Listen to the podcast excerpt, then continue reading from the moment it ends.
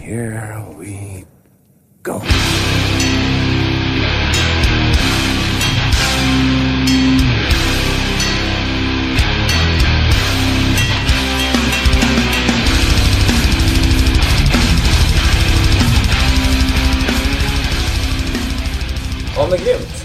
Då eh, får vi börja med att hälsa Ingmar Jansson välkommen. Johansson höll jag på att säga för att vi pratade om det på vägen hit.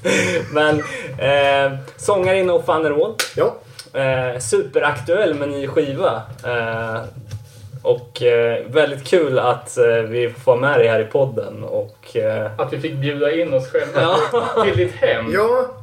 ja det känns bara bra tycker jag. Det behövs lite mer media här. precis. Eh, och, Berätta vart vi är. ja, eh, Utanför Skinnskatteberg. Ja, precis. I Godkärra. Skinnskattebergs Godkärra. För det finns ett annat Godkärra som ligger i Farsta kommun.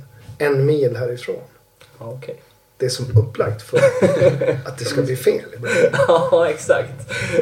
Ja, nej men eh, jättekul i alla fall. Eh, vi, vi tänkte väl egentligen börja från början med, med våra frågor här och, och arbeta oss framåt i No Fun and All-historien. Mm.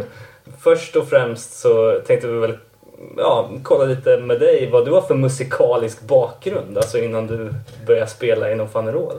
Ja, ja, när jag började spela i No Fun At All, då trodde ju jag liksom... Jag trodde ju mina rockstjärnechanser var borta då.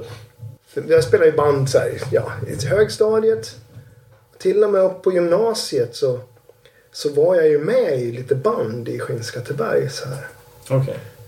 Som till och med gjorde lite spelningar så här utanför Skinnskatteberg till, Okej, okej. till och med i Kolsva någon gång.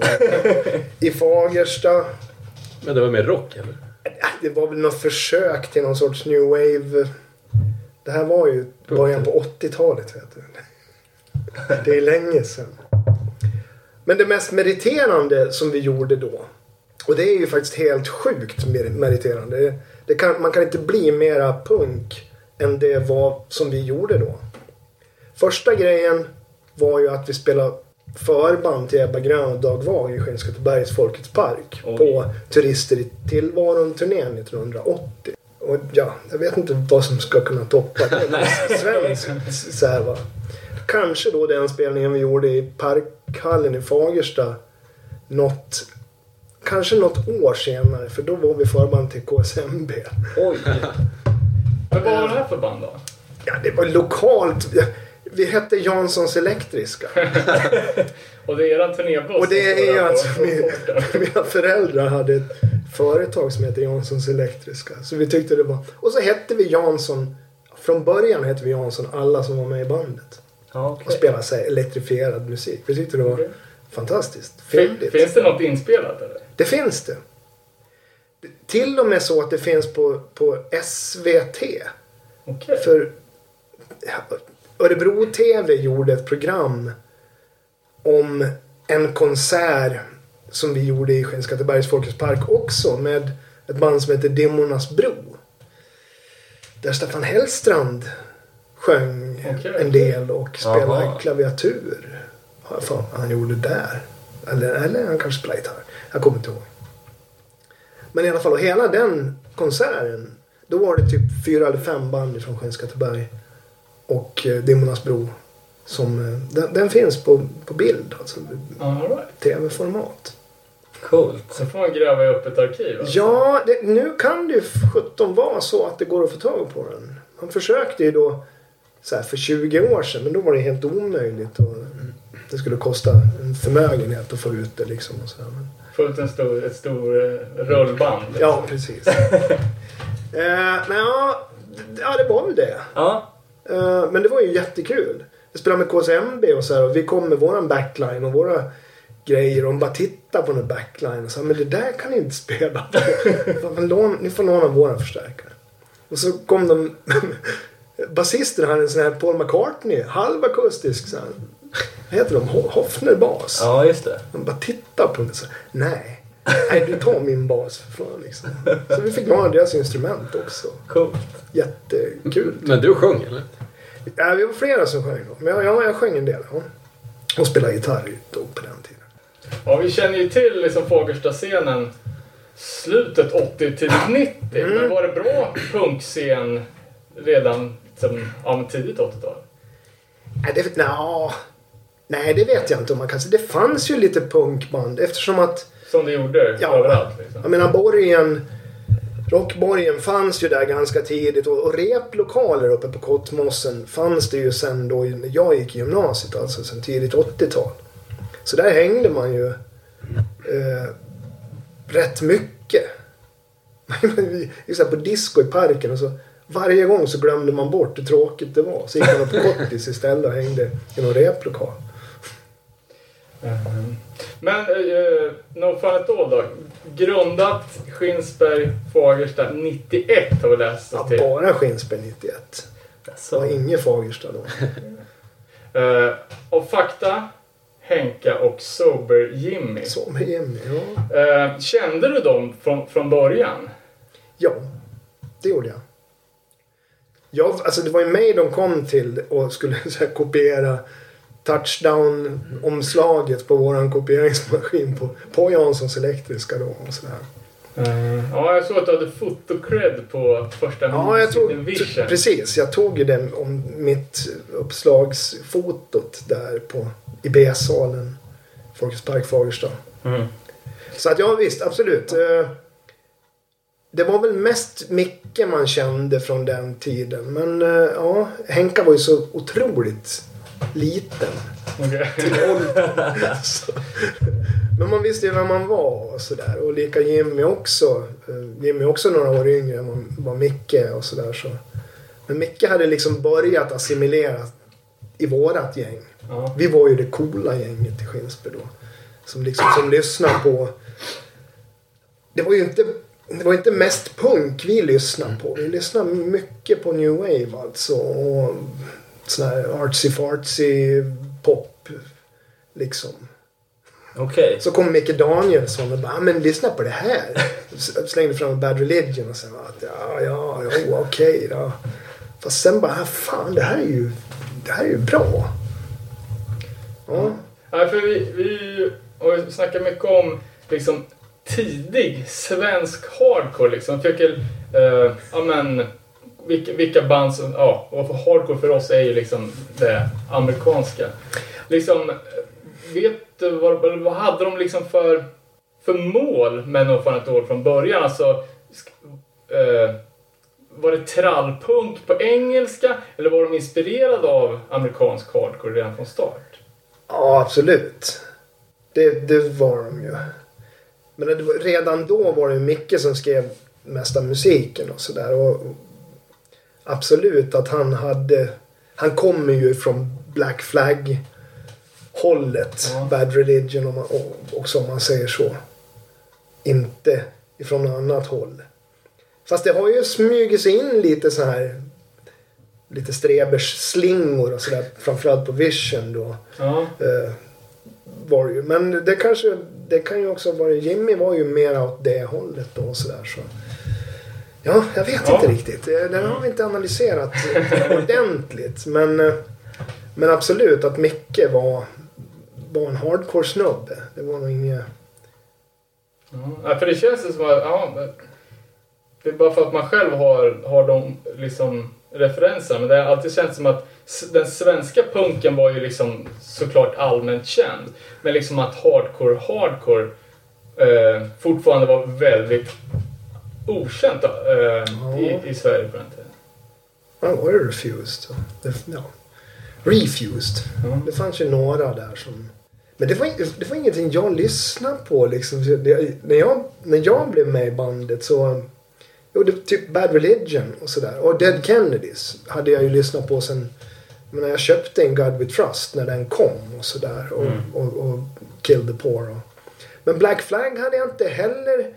Jag hade liksom inte fattat det där riktigt. Det var ju... Det var ju engelsk musik man lyssnade på. Och så var det några amerikanska band. Men det var liksom inte punk. Det var inte så här Talking Heads och B-52s. Fast Dead Kennedys också. Ja.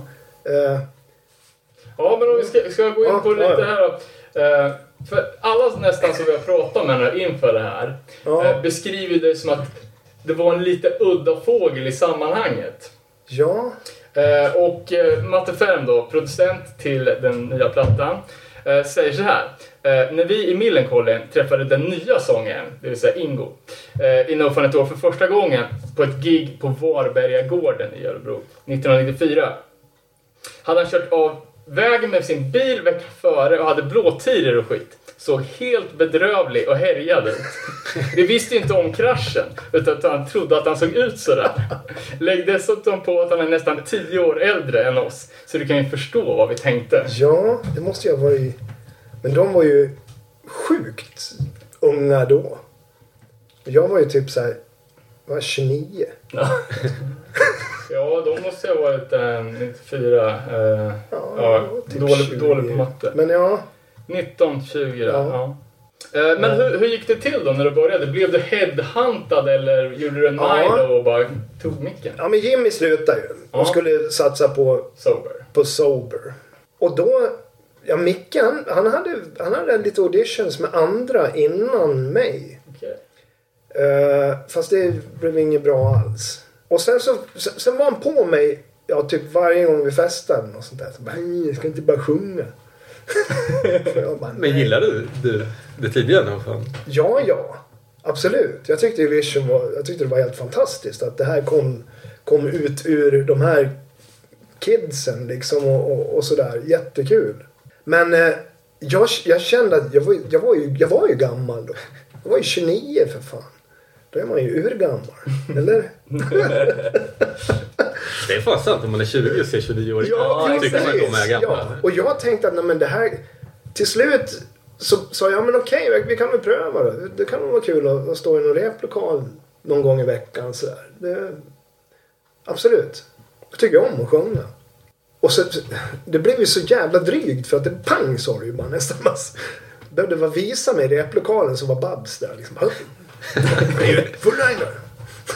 Och bara, och det, det hände ju så fort så vi fatt, jag tror inte någon fattar någonting.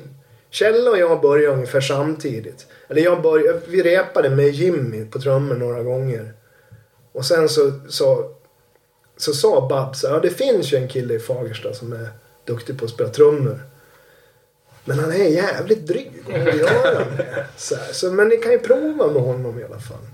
Vi provade med lite annat folk på trummor också men det, det, det var inget bra. Det var så gamla trash metal trummisar som bara vevade som galningar. Ja, Kjelle kom in och det blev ju tokbra på en gång. Och sen kom Krill in bara några månader efter det också. Och då var vi ju liksom, fem, five piece och, och spelade på ungdomsgården i Skinsberg och sådär. Och gjorde, men, men det var nästan de enda sådana spelningarna vi gjorde. För sen bara pang sa det ju. Så vi spelade in något straight och då liksom öppnades hela Sverige bara på en gång sådär. Ja, för vi så, eh, såg att eh, eh, första minisedeln sålde, eller den, den trycktes först upp i, i 1000 ex men Mm. såldes sen till slut 25 000. Ja, Men det riktiga breaket eh, kom det med, med No Straight Angles. ja. Det gjorde det. Eh, och vi har ju, vissa av oss här har Ja, ju... jag är ju, sen jag hörde det första gången, trott att den hette No Straight Angels. Ja, men det är ju inte du ensam. Nej, tydligen. Det var det jag läste Ja. där vi hade skrivit inför den här podden. Ja. Bara, Angles? Ah. Och då kollade jag på skivan och bara, jaha. Det var väl lite meningen också. Det finns ju många bottnar i det. Vi är ju ett väldigt djupbottnat band No straight angles. Vi tyckte då att man, ja, men det är klart man ska festa. Otroligt pubertalt och fånigt egentligen. Men, Ja, men sen det, blev det bra med det där skivomslaget också. Men no, alltså, det är inga räta, Nej. inga räta vinklar utan snett och konstigt allting. Så, ja. Nej, för vi vi tänkte att om det var ett medvetet, alltså lite lek med ordet där för liksom ja, det här var ju liksom precis i den, när straight edge kom till Sverige och blev en grej, liksom hela den här refused-vågen. Liksom, att ni skulle positionera er som superbandet. Liksom. Det skulle vara Sveriges Gang Green. Ja, men precis. Och liksom har ju gjort alkohol till, Ja. ja, liksom en Den är ju med på Röra Rulla-skivan skivan, 3. Till och med. Ja, den har ju fått ett litet eget liv känns det som. Alltså, Ja, ja. I alla fall. Ja, vi lyckades ju sno den snyggt tycker jag. Till, som våran låt. Ja. ja, det tog ju många år innan man förstod att det var en, en cover. Ja. Ja, faktiskt. Var inte det med någon snowboardfilm eller skateboardfilm typ? Från typ den tiden. Inte. Med oss eller med Jan Ja, med- nej, med. Ja, och det är ju mycket möjligt. Typ någon Edge-film eller något sånt. Jaha. Ja, fast det, tänker du inte på Don't Be a Pansy där? Eller? Nej, den är med i den här Scans. Ja, ja.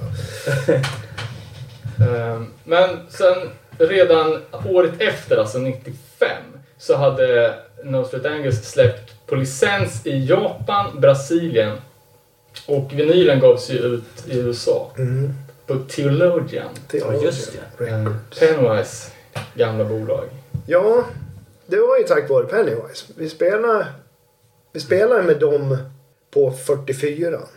Och det är ju den coolaste spelningen som jag har varit med om någon gång. Den brukar jag berätta om ganska ofta i intervjuer och så här.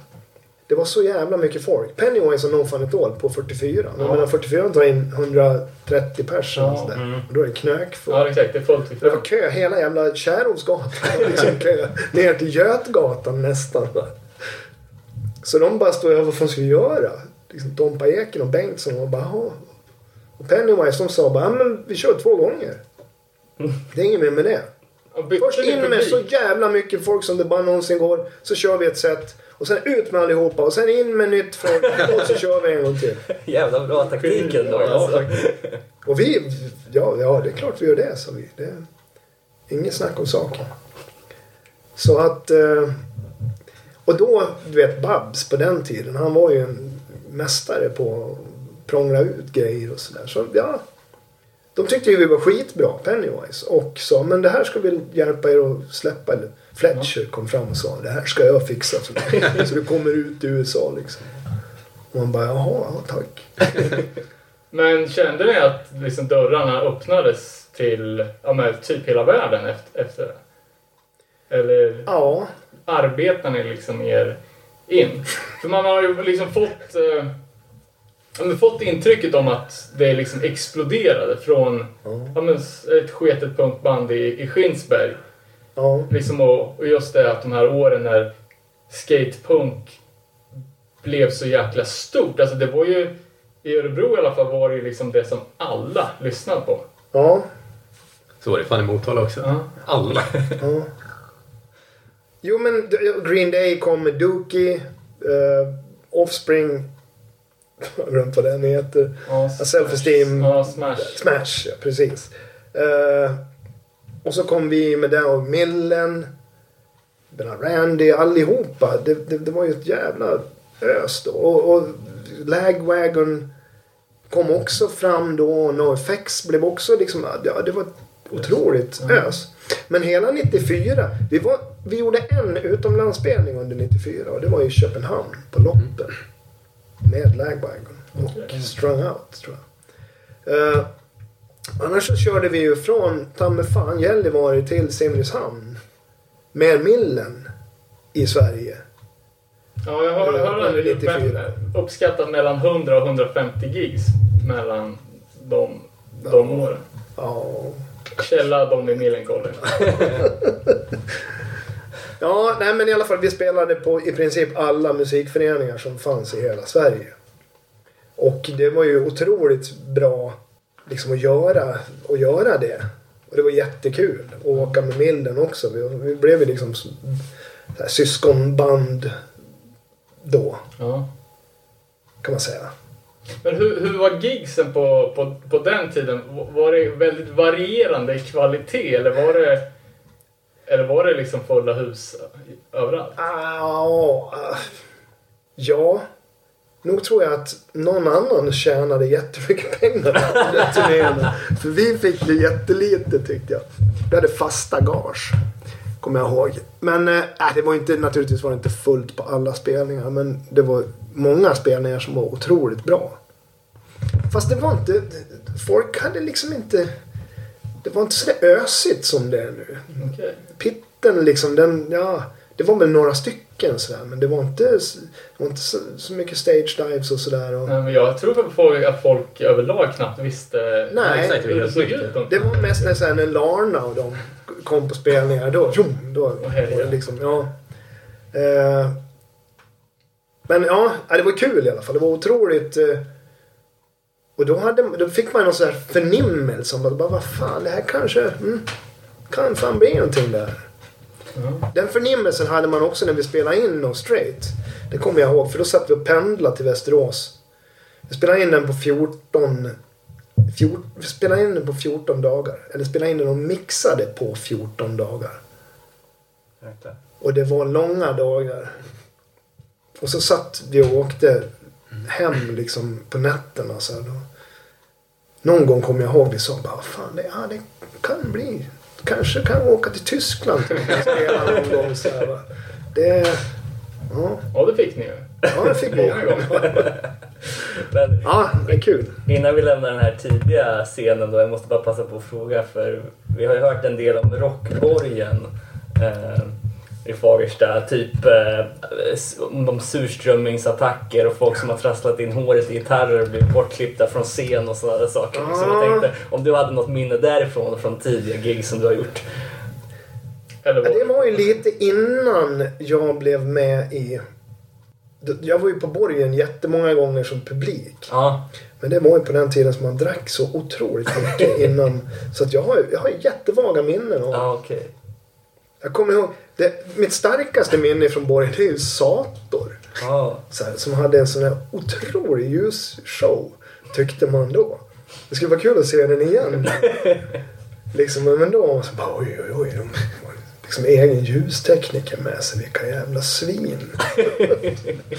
och så stod Babs och sålde skivor i något hörn. Så, så han sålde första Mighty Mighty Bostons plattan till mig. Du gillar väl ska? Ingemar?" kommer jag ihåg. Han sa den här kommer du tycka är bra. Och så ja, det tyckte jag. Det var ju Ja, ja. skitbra. Fast han sålde väl på annat som kanske inte var li- riktigt lika bra. Men...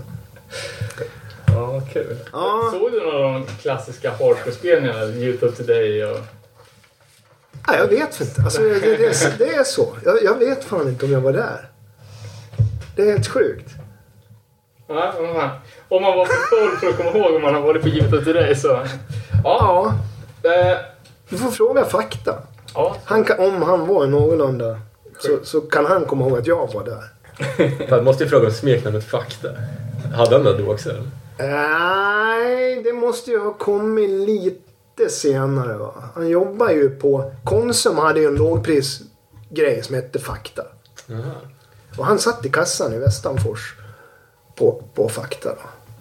Och då blev det naturligt att... Då blev det naturligt att han hette Fakta. För annars man ju tro att, att han är såhär... Någon besserwisser typ. Ja, men, Ja, men det, ja, det är ju också. liksom. Ja, han har ju, han, eh, har ju en, ett enormt bibliotek i sin skalle alltså. Som, och kan en massa... Han kan ju en massa fakta. Ja. Så att det passar ju jättebra. Dubbel. Ja. Eh, ja, men vi fick då från uh, Fredrik Larsson från Meningskollen. Uh, bad oss att fråga om den gemensa, gemensamma Australien-svängen som var lite udda och ett minne för livet. Mm. Men sen så la han till eh, fast det här får ni nog dubbelkolla först innan ni trycker på rec. Då blir man ju genast väldigt intresserad. Och väldigt benägen att fråga om det efter att man har tryckt på rec också. Ja, nej, jag tror att de, de kommer ihåg mer än vad som var. Eller nej. Vilket år var det? Det var 96 på våren. Det var ju en sån där sjuk vår det är också 96. För då hade det liksom släppt totalt. Och, och de säger Australien, men vi var ju i Japan först. Alltså samma sväng.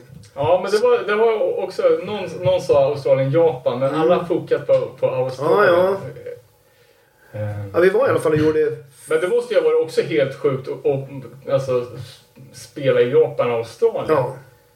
Framförallt hur det var upplagt.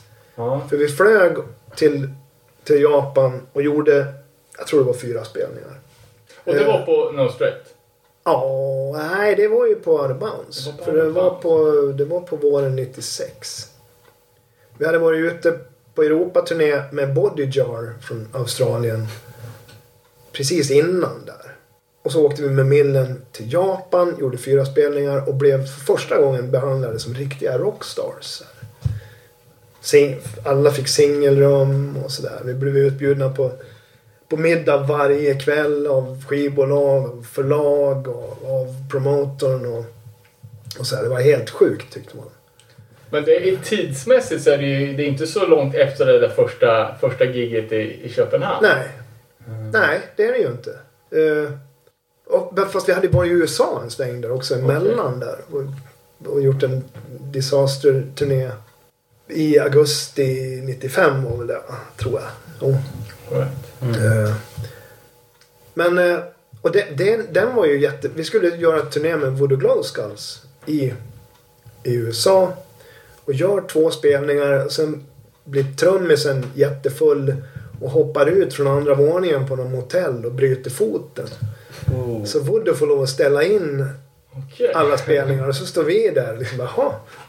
och, och, och Theologian och ja, de, de i alla fall lyckas de få ihop någon sorts jävla turné. Men det, det var ju liksom ingen promotion gjord. Det var några spelningar som var sjukt bra i Orange County och runt LA så här. Jättebra. Men sen åkte vi uppåt kusten och spelade typ i Oregon för fyra pers. Samma dag som Jerry Garcia dog. Okej. Och det var ju bara en massa deadheads där uppe. Så de bara låg ju hemma och rökte på grinade liksom. Eh, så att ja, det, var, det var lite synd att det blev så. Men, eh, men ändå, det var kul. Enda gången vi har varit i USA. Alltså. Sen bara, sen bara la vi ner USA efter det. Ja, ja, men tillbaks till Japan. Ja, Eller, ja. ja. men vi fiskar väl efter Ja. eh, turnéskrönor, Ja, historier. Men så Japan var ju jättekul och det, var fanta- och det var skitbra spelningar och fruktansvärt mycket folk på och sådär och, och helt galna japaner. Men sen när den, det var slut så åkte vi till Australien. Åkte Ja. till Sydney. Vi hade, vad fan, jag hade ingen av oss hade varit i Australien. Man fattar ju inte hur stort det var. Så först, vi, åkte, vi flög till Sydney. Den första spelningen var i Adelaide. Och eh, vi kom dit dagen innan. Och sov på golvet hemma hos någon hardcore, hardcore band som heter Toe to Toe Ja. från Sydney. Eh, och så skulle vi åka till Adelaide dagen därpå. Och de här promotorn de bara, ja men hur lång tid tar det? sa vi. Ja, det tar kanske, tar kanske sju timmar. Oh, jobbigt. Ja, och så började vi åka. Och det, alltså det var helt sjukt. Det, det, var ju, det var ju som att åka till fan Rom ifrån, ifrån Stockholm. Så det, jag tror det tog 16 timmar. oh jäklar. Och då var det inga nightliners. Nej, nej, det var ju... Fy fan. Var det Larsson, jag, Krill, Ekan. Ja, vi var fem stycken. Ja, vi, var, vi hade en, en merch-kille med oss. Det var ju också jättekonstigt att de inte sa bara men det är väl dumt att betala flyg för merch-killar. Det kan vi ju få ta på här. Va? Ja. Ja, det var helt sjukt hur det var. Det var allting sånt. Men i alla fall, det tog 16 timmar. Och man var helt slut när man kom fram till Adelaide. Och det var typ 45 minuter till vi skulle gå på scen. Oh. Man "Wow." bra början. Det var, det var spriten räddade oss den resan kan jag säga. I alla fall mig. Jag hade inte fixat det. Jag låg på golvet. Det fanns ingen AC eller någonting. Och det bara studsade kängurun runt omkring. Och så det, var, det var helt jävla sjukt faktiskt. Men det, hela den, den turnén, både i Japan och Australien, det var eh, ni, Millencolin och No Fun headline-turné. Liksom. Ja. Co-headline, ja precis. Vi, Men hade de också någon typ av skatepunks-boom? I Australien, ja ja. Absolut. Så det var bra spelningar? Ja, ja, ja. Det, det, ja, absolut. Det var det.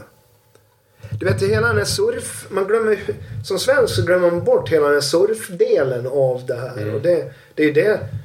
När vi släppte någon straight på Theologian så lyckades han få med tre låtar på en surfvideo som heter Focus. Som är förmodligen en av världens mest spridda surfvideos. Och det, det är tack vare den som vi spelar i Brasilien och Australien Mm. nu. Alltså det är jag helt säker på. Eller tack vare den, men den, den hjälpte till något otroligt mycket. Taylor Steele heter han. Legendarisk surffilmare då som, som hade gjort den.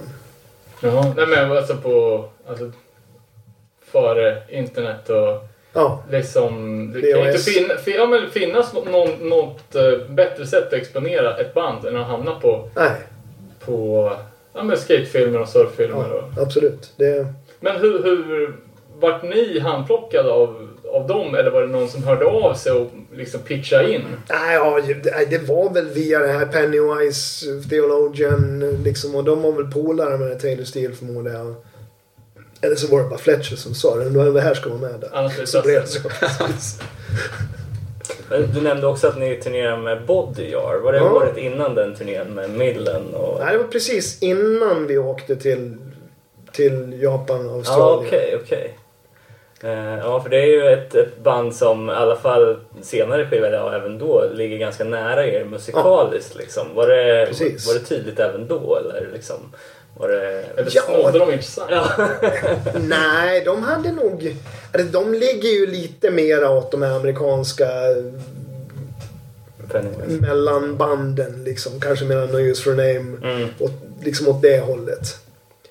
Eh, men de, de var ju så jävla sjukt trevliga snubbar så vi, det var ju fantastiskt kul att turnera med dem. Mm.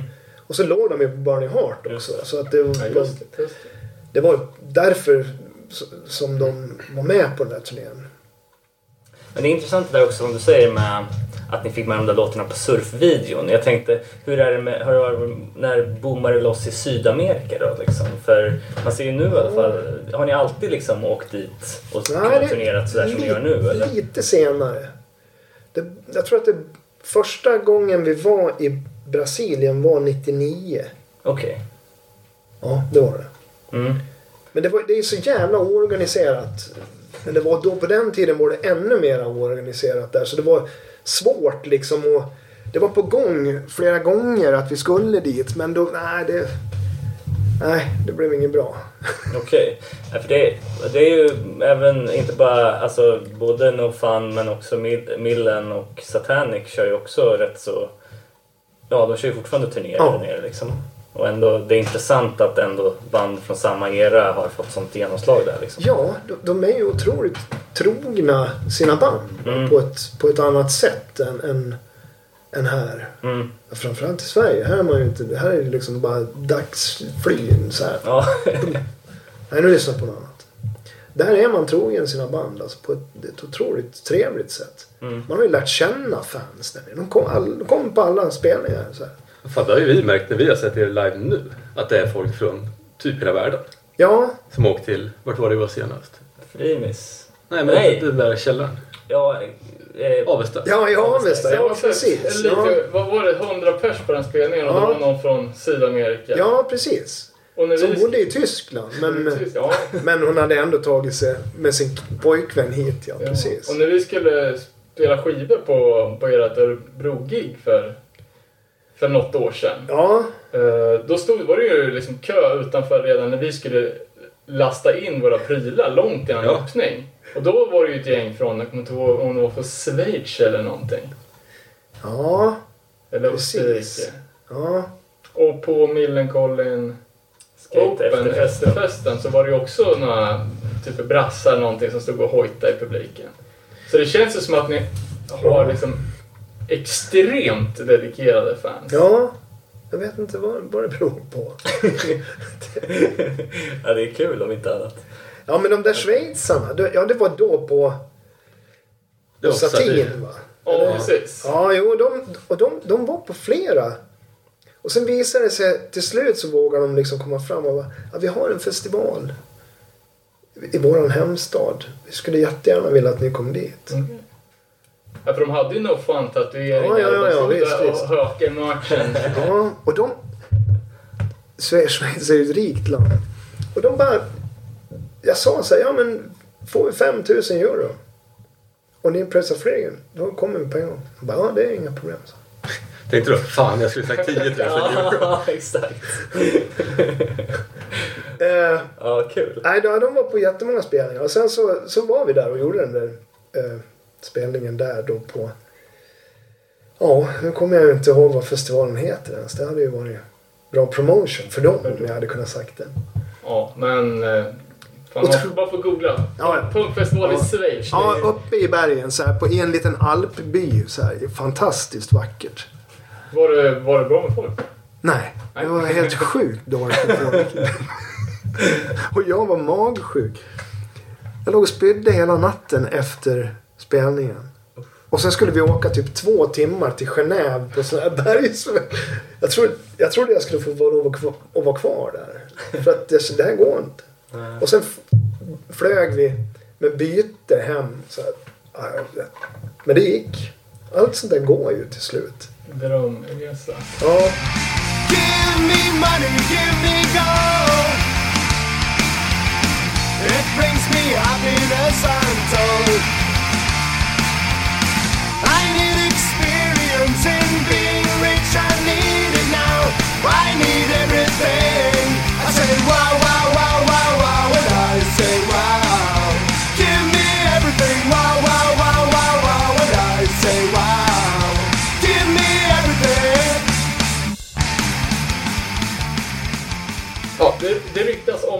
Blivit portade från hotell för att det har bajsats i askkoppar.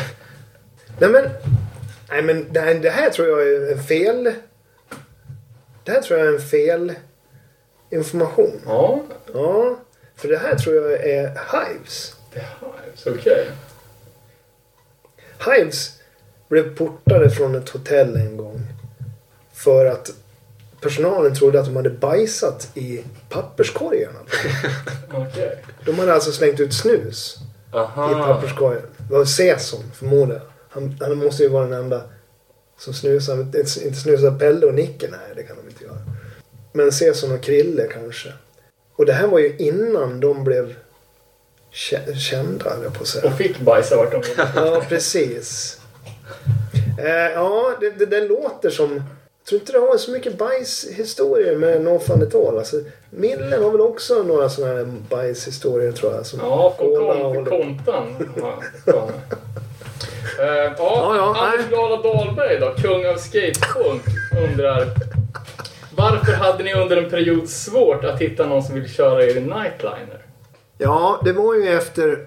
Det, där, ja, det, där är, så, det är en sån jävla liksom, riktad fråga. Så att, vi var på en turné 97 på hösten. Vi tog med oss ett band som heter Puffball från Västerås på turnén. Och det var det helt sjukaste jag har varit med om de fem veckorna vi var ute. Det var en lång turné. Och så var det en göteborgare som hette Per-Åke som körde den där nightlinen. Och han var helt, han var helt förstörd. Han, för det första så var... Jag, kan, jag, vet, inte- vad jag ska säga. Ja, han var inte som oss direkt. Han var inte som speciellt många andra människor som jag har träffat någonsin är heller. Han var väldigt egen på ett enbart negativt sätt. Om jag ska försöka att linda in det här. Lite diplomatiskt. Ja, precis. Så det börjar med i Örebro. Vi utgick från Örebro. Och Jallo var ju med som och Rodda och, och Och Jallo hade en dunk hembränt med sig i bilen först. Han han fixat. Tyckte han var jättebra. Så det var kaos redan från första sekunden liksom, i den där jävla nightlinen. Så, så det var helt sjukt. Och det gick liksom inte att stå emot det där. Det var bara, nej, det är bara att kasta sig in i det här för annars kommer man att bli knäpp. Mm. Eh, så ja, det var fem veckor av hårt festande. Och eh, den här stackars chauffören var ute. Han hade ju ingen ersättningschaufför med sig så han, han, bara, han bara körde liksom. och vi lovade någon gång att nej men nu ska vi ta det lugnt. Så, och det gick inte. Det var, nej, det blev tokfest i alla fall. Till slut så började han också festa, chauffören. Så Satt och dreglade framför ratten, alltså inte när han körde men på spelningarna så här, och måste jag ljuga? Han sa att han var sån här professionell fighter. När han inte körde buss så var Och han typ nere i garage i Göteborg och Hålla er under koll Ja, precis. Och Han kanske trodde vi skulle bli rädda. Man bara, ja, ja okej. Liksom då, ja. Det sket väl vi. Det finns ett jättefint kort ifrån den turnén på några av Puffball och några av No Fun At All som står och håller om Mille i Creator i Essen på Sechekar. Ah. Och det var där det urartade totalt med Per-Åke då. När han satt i kalsongerna och bara, bara dreglade. Ja, jag vet inte. Men efter det. Fast sen hade vi ju faktiskt. Bara några månader efter det så åkte vi ut på den berömda Sudpalooza-turnén. Ja, just det. Och då var det ju liksom riktiga nightliners och riktiga chaufförer. Som visste vad de höll på med.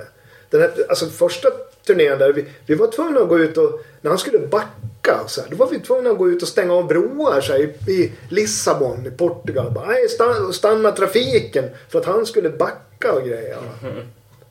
Helt knäppt var det. Och man trodde det skulle vara så. Det var första gången vi åkte nightliner. Och sen åker man nightliner andra gången och, och chaufförerna bara kör liksom och gör bara. "Nej, Men, ja, jag tror inte de kör in i mig om jag backar ut här liksom. Utan det, de ser mig nog. ja, Ja, ja. och då gick det mycket bättre. Just det. Ja, men då blev ni härdade från början kan man säga. Där. ja, det var bara dumheter. Det, det är så här. Bruksgrabbar åker ut och så får man sprit dit man åker. Och det blir inget bra. Alltså, Det oss för trubbel. ja, det är absolut. Eh, ja, och som sagt när man är i en sån där trång miljö också. Det går liksom inte att stå emot det. Va? Då, då måste man vara så jävla stark. Henka i och för sig var ju, stod ju liksom emot. Men han kunde på något vis stänga av sig. Och han bara... Själv så bara, ja. Go with flow. Ja, precis. Ja, ja, ja, men i alla fall. Så vi var ju inte, ja, nej, det var inte så. Vi var inte så snälla mot den här chauffören heller. Det kan man inte säga. Vi, vi gjorde det inte livet lättare för honom på något vis. Och han gav ju, och vi, vi tog ju emot.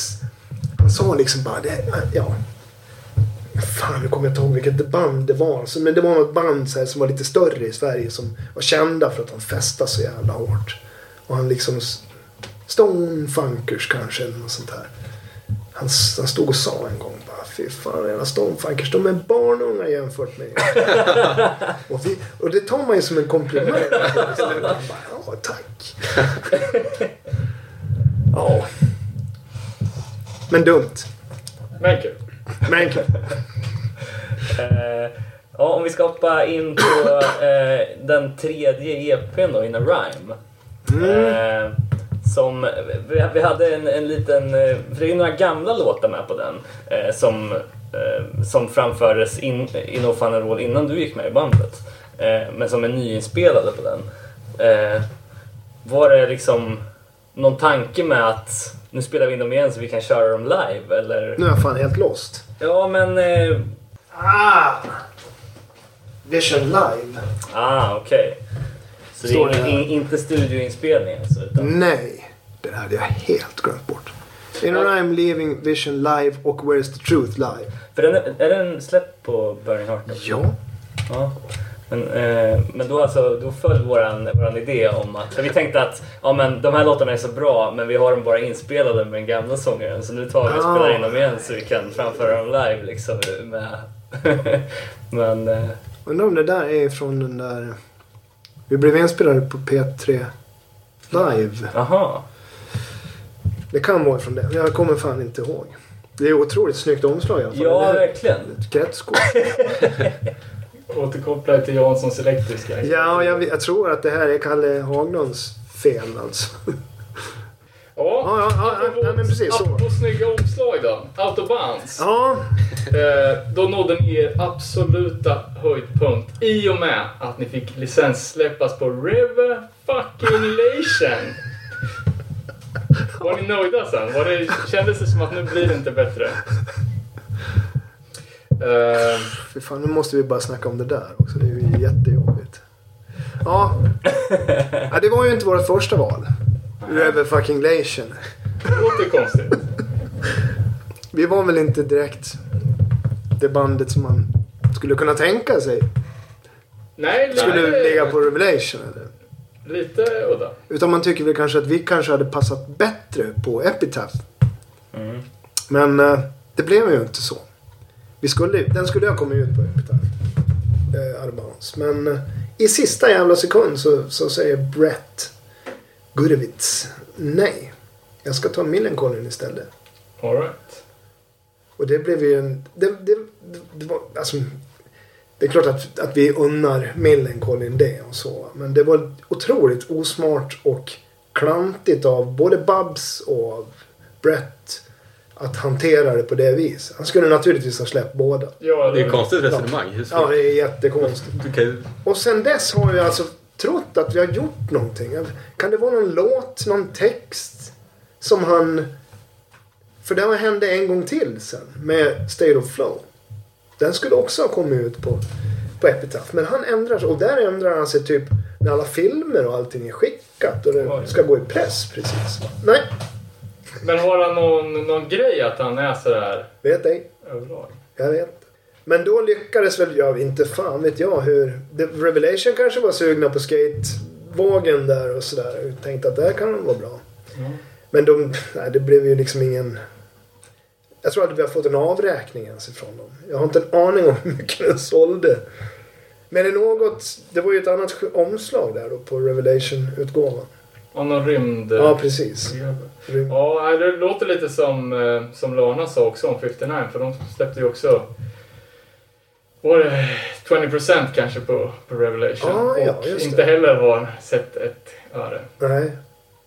Eh, men det var ju också lite fel era i Revelation. Liksom. De var ju... eh,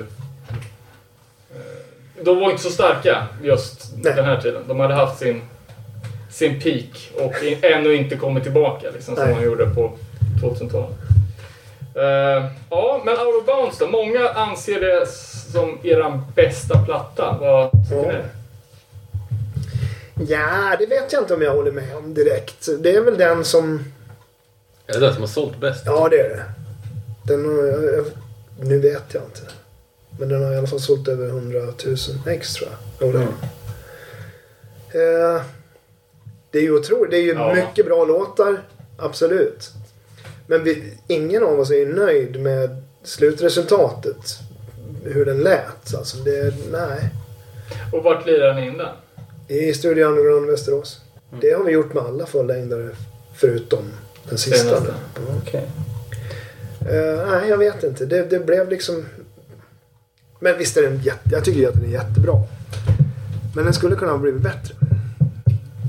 Ja, för vi kollar på setlisten från, från den här Avesta-spelen. De, de sex första låtarna är kvar i livesetet, om inte jag räknar fel.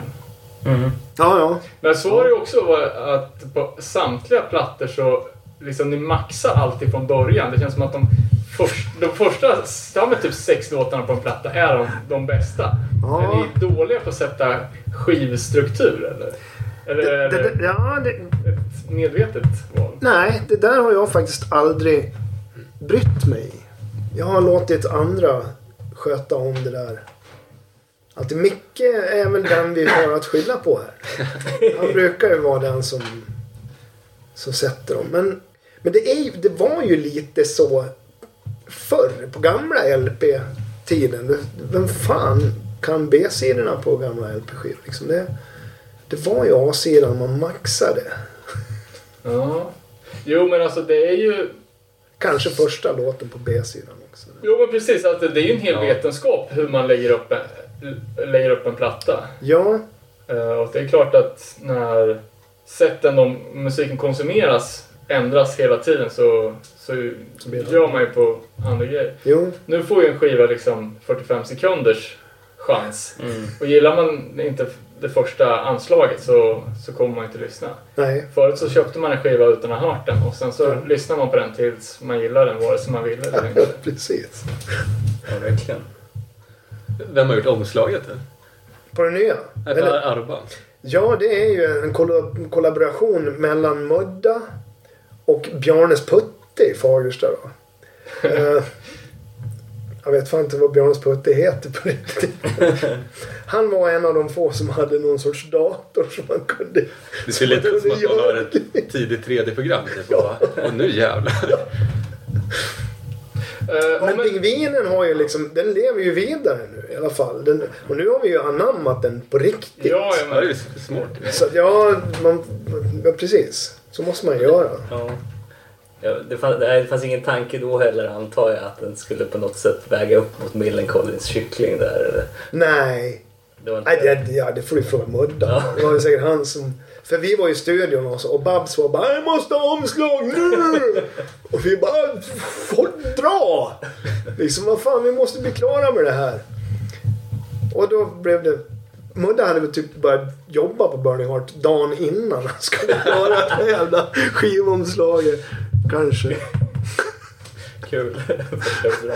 Eh, men Stranded 7 eller CD-sängen. Ja, Eh, där är ju, eh, heter han Assar, korven. ja precis. Är den specialritad åt er eller Det är den den. snodd? Nej, den är specialritad. Alright, fett. Jag ringde upp Uffe Lundberg och Lundberg. Heter han? Ja, jag vet inte vad, vad, vad, tecknaren heter men det är. Ja, nej Bra. vet inte Uffe Lundberg. Det är en gammal serie. vaktmästare från Skinnskär. Ulf Lundqvist heter han kanske. Ja. Ja. Eh, jo, jag ringde upp honom och, och frågade om kan inte du göra ett skivomslag åt oss? Eh, du får lite munkar och t-shirts och skivor. Han bara, jo det kan jag göra. Så. Ja. Vi skulle vilja att Assar åkte ut och surfar. är det okej? Ja, det tycker jag låter som en bra idé. Han behöver fan ut och surfa lite. Så det, ja, det är jättekul. Det är väl ett av de roligaste skivomslagen vi har gjort, tycker jag. Hur, hur var, var det, fanns det någon press från, liksom, jag tänker Out of Bounds, ni följde upp den här No Straight Angles. Eh, fanns det någon press att nu ska det ut och turneras jättemycket eller den måste sälja så här mycket annars så... Liksom, eller hur, hur var klimatet då? Alltså jag menar, folk köpte ju skivor. Nej, det, jag menar så var det ju. Vi ville ju naturligtvis ut och turnera så mycket som det bara gick. Över hela världen. Det var målsättningen. Ja, det var ju målet. Vi, jag menar, vi levde ju på det på något vis. Eller, Mm. Det gjorde vi ju då. Det var ingen som hade något annat jobb eller något sånt. Uh, Babs var ju så jävla svår att liksom veta vad han egentligen ville. Han hade svårt att kommunicera. Det, Men hela, hela Burning Heart var ju lite trial and error. Liksom. ja, Det var det det? utvecklades väldigt snabbt och allt, som, allt var ju inte beprövat. Så man nej. visste liksom inte vad som var det smartaste. Nej, Ja. absolut inte. Uh, jag menar, No Straight var ju första licensskivan. Ja, det var den första fullängdaren som gavs ut på Burning Heart. Men också den första licensen. Så jag, jag menar, Babs kom ju med de här kontrakten till mig och bara "Kan- kan, Du kan väl läsa igenom det och kolla vad du tycker. Och man bara jaha. Legal engelska liksom. Ja. Bara, Men jag, jag fattar inte, varför släpps det på licens? Är det inte bara att trycka på skivorna själv och, och posta till Tyskland? Eller? Är det distributionen man vill ha? Ja, ja, precis. Att man får någon som jobbar på det Ja, okej. Det är liksom i olika territorier och så. det är inte själva det fysiska släppet Nej. utan någon som kan, kan landet och har kanalerna. Ja, precis. Ja, nej men... eh, Nej, så det, nej, inte fanns det något... Vi har, vi har ju liksom aldrig blivit styrda musikaliskt av, av, av Burning Heart. Kanske att de ville att vi skulle göra vissa saker så här. Ja, men ni borde göra det där och det där. Och, som man kanske inte var så jävla pigg på. Framförallt när det blev liksom, lite större. Och så. Och det, egen promotionavdelning och marketingavdelning och så här. Man bara... Jag åkte ner till Frankrike efter State of Flow själv och gjorde intervjuer. Så här, flög ner. Det var ju också en bisarr känsla. Bara, upplockad av någon brud där på Charles de Gaulle. Och satt och gjorde intervjuer i något litet rum på deras distribut ja, distributörens kontor. Liksom. Vad, vad fanns det mer för saker man kunde göra för att liksom jobba med, med en skiva? Då? Alltså, nu är ju allting så lätt med tekniken men liksom... Förutom intervjuer. Det var ju mycket sådana här promo-CDs. Ja. Som, som gjordes med två, tre låtar på som man gödslade med. Liksom. Det kommer jag ihåg på Hultsfred 94.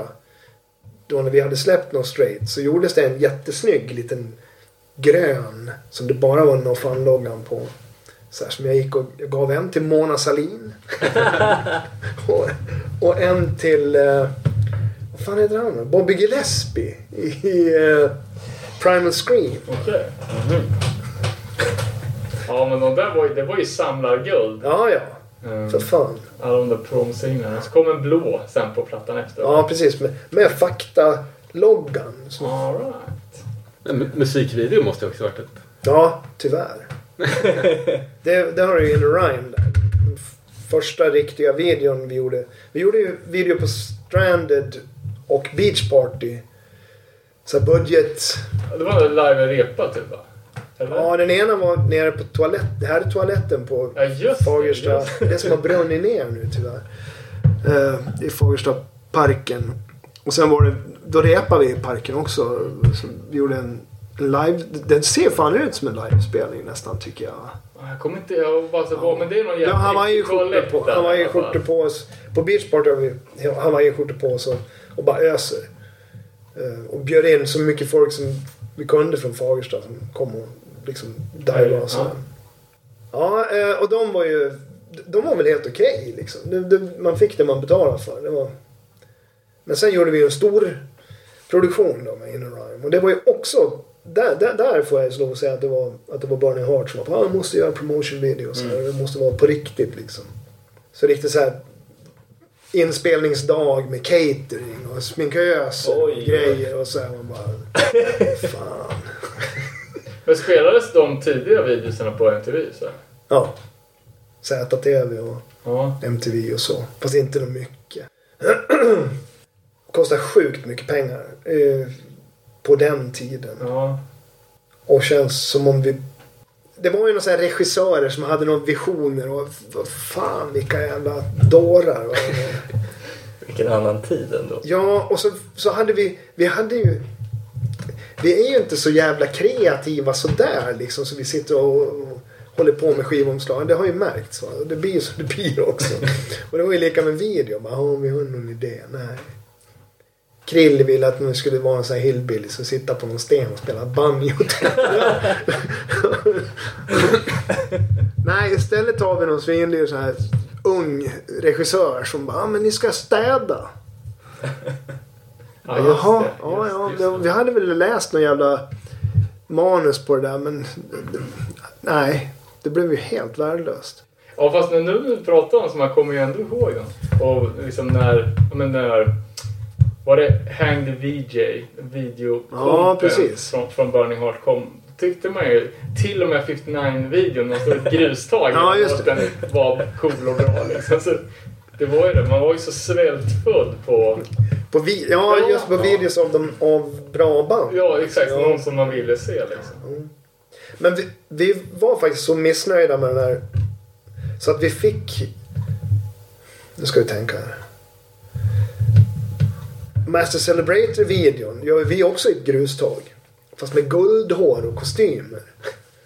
Det kastas lite kors och grejer. Den, den är ju fan lite snygg. Och den, för att vi var så otroligt missnöjda med In a Rhyme så gjorde de den jävligt billigt åt oss. Och det, och det var lite coolt också. För det var ju ett gruståg i Gustavsberg utanför Stockholm. Ett, ett aktivt gruståg. Så plötsligt mitt på dagen då, då var vi tvungna att gå därifrån. och bara tuta dem. Då skulle de spränga. Liksom. Så vi stack iväg till en jävla mack med det här guldhåret och helt sminkade liksom. Ja, det var ju Stod bra någon sån här korv. Specialeffekter annars har man lite sprängt. Ja, precis. Rejäla så här pyrotekniska. Ja, Ja, vad kul. Eh, ja, 97 då. The Big Knockover. ja. Eh, tempot går ner lite på, på vissa låtar och hela plattan har ju mycket mer av en emo-vibe över sig. Eh, var det så här klassiskt tredje album-syndrom att ni kände att ni behövde utveckla er? Nej det, nej, det tror jag inte. Det var nog bara att det, jag hade ett krav på den. Och det var att låtarna måste gå i en lägre tonart. För jag kan inte sjunga som jag hade gjort på No Straight och Out of Bounds. Framförallt live. För att min röst fixar inte det. Va? Så jag sa att låtarna måste anpassas mer till min röst. Och det kan faktiskt vara det som... Att de hamnar lägre i ton och så här och, och att det blir lite mera emo då kanske. Jag tänker på många texter är ju också väldigt deppiga. Ja, Liksom, eh, ja men vad det var för, för eh, ja men text, så eh, influenser till att sk- skriva texter och ja det är ju otroligt svårt då. Att få fram någon sorts... konkret. Ja, det... Gillar du att skriva texter? Då? Nej, det är det värsta jag vet alltså. Fy fan. Vilken ångest det är. Och så att det är ju blod, svett och tårar hela tiden för att få fram för att få fram det. Och ibland blir det ju otroligt bra tycker jag. Men ibland blir det inte riktigt så bra som jag vill att det ska bli. Och tiden finns ju aldrig till att skriva texter. Och det är ingenting, nej, det är ingenting som, som bara ramlar ur mig. Men eh, ja. Så ibland det kan vara lite så här man går den enkla vägen där ibland. Ja, ja, men jag förstår om det ligger ett ångesttäcke av själva skrivandet. Ja, precis. sätter det liksom lite manifesteras i texten. stämplar texten. Eh, ja. Men det är ju... Jo, det, ja, men det är skitkul när det, när, det, när det liksom händer att skriva tycker jag. Och det gör det ju. Man kan ju behöva skriva om texterna fan fem, sex gånger totalt ifrån början liksom. Kan ha någon text som man, ja ah, det här är fan rätt bra. Sen bara, nej. Nästa dag, bara, nej fy fan vad dåligt det är. ja. Eh, men är, är liksom eh, Är det övriga att de eh, skriver musiken eh, så jävligt eh, liksom sprutar ut ur sig låtar så att du måste överproducera texter? Nej. Eller gör ni bara så mycket Nej. som behövs? Ja, så har det alltid varit. Uh, det har aldrig varit ett sånt Rancid, The Clash-band. Som gör 30 låtar och så är det liksom sju bra. Utan det, är- nej, det, det jobbar extremt hårt på alla låtar i repan innan man spelar in istället. Så att, så att låtarna blir genomarbetade och, och riktigt bra, arrade och så. Ja, ni har ju ett par riktiga hits på den här The Big Knockover får man ju säga. Något av en tvångsfråga, men varför kör ni aldrig The Other Side live för? Ja, det gjorde vi ju. Det gjorde vi ju på 90-talet. ja, okej. Mm. Nej, det är någonting där som inte... Jag skulle inte ha något emot att, att köra den. Nej. Men det är något gitarriffet där som in, inte är något populärt hos en av gitarristerna. Jag förstår. ja, nej, men... eh, Ja, men det, ja, ja. Så där blir det ju ibland. Men, Ja, precis. Är mycket att välja på också. Jag förstår att det är ganska svårt att göra en setlist nu för tiden Ja. som ändå innehåller allt man vill köra. Kanske. precis. Nej, det, fast egentligen så blir det nästan lättare och lättare. För, ja, det, ja, man får ju mer att välja på. Ja. Och mera hittar tycker man så här. Så att. Ja, eh, jag vet inte om vi ska fortsätta till, till State of Flow efter. Eh, en, platta som kom 2000 var det väl?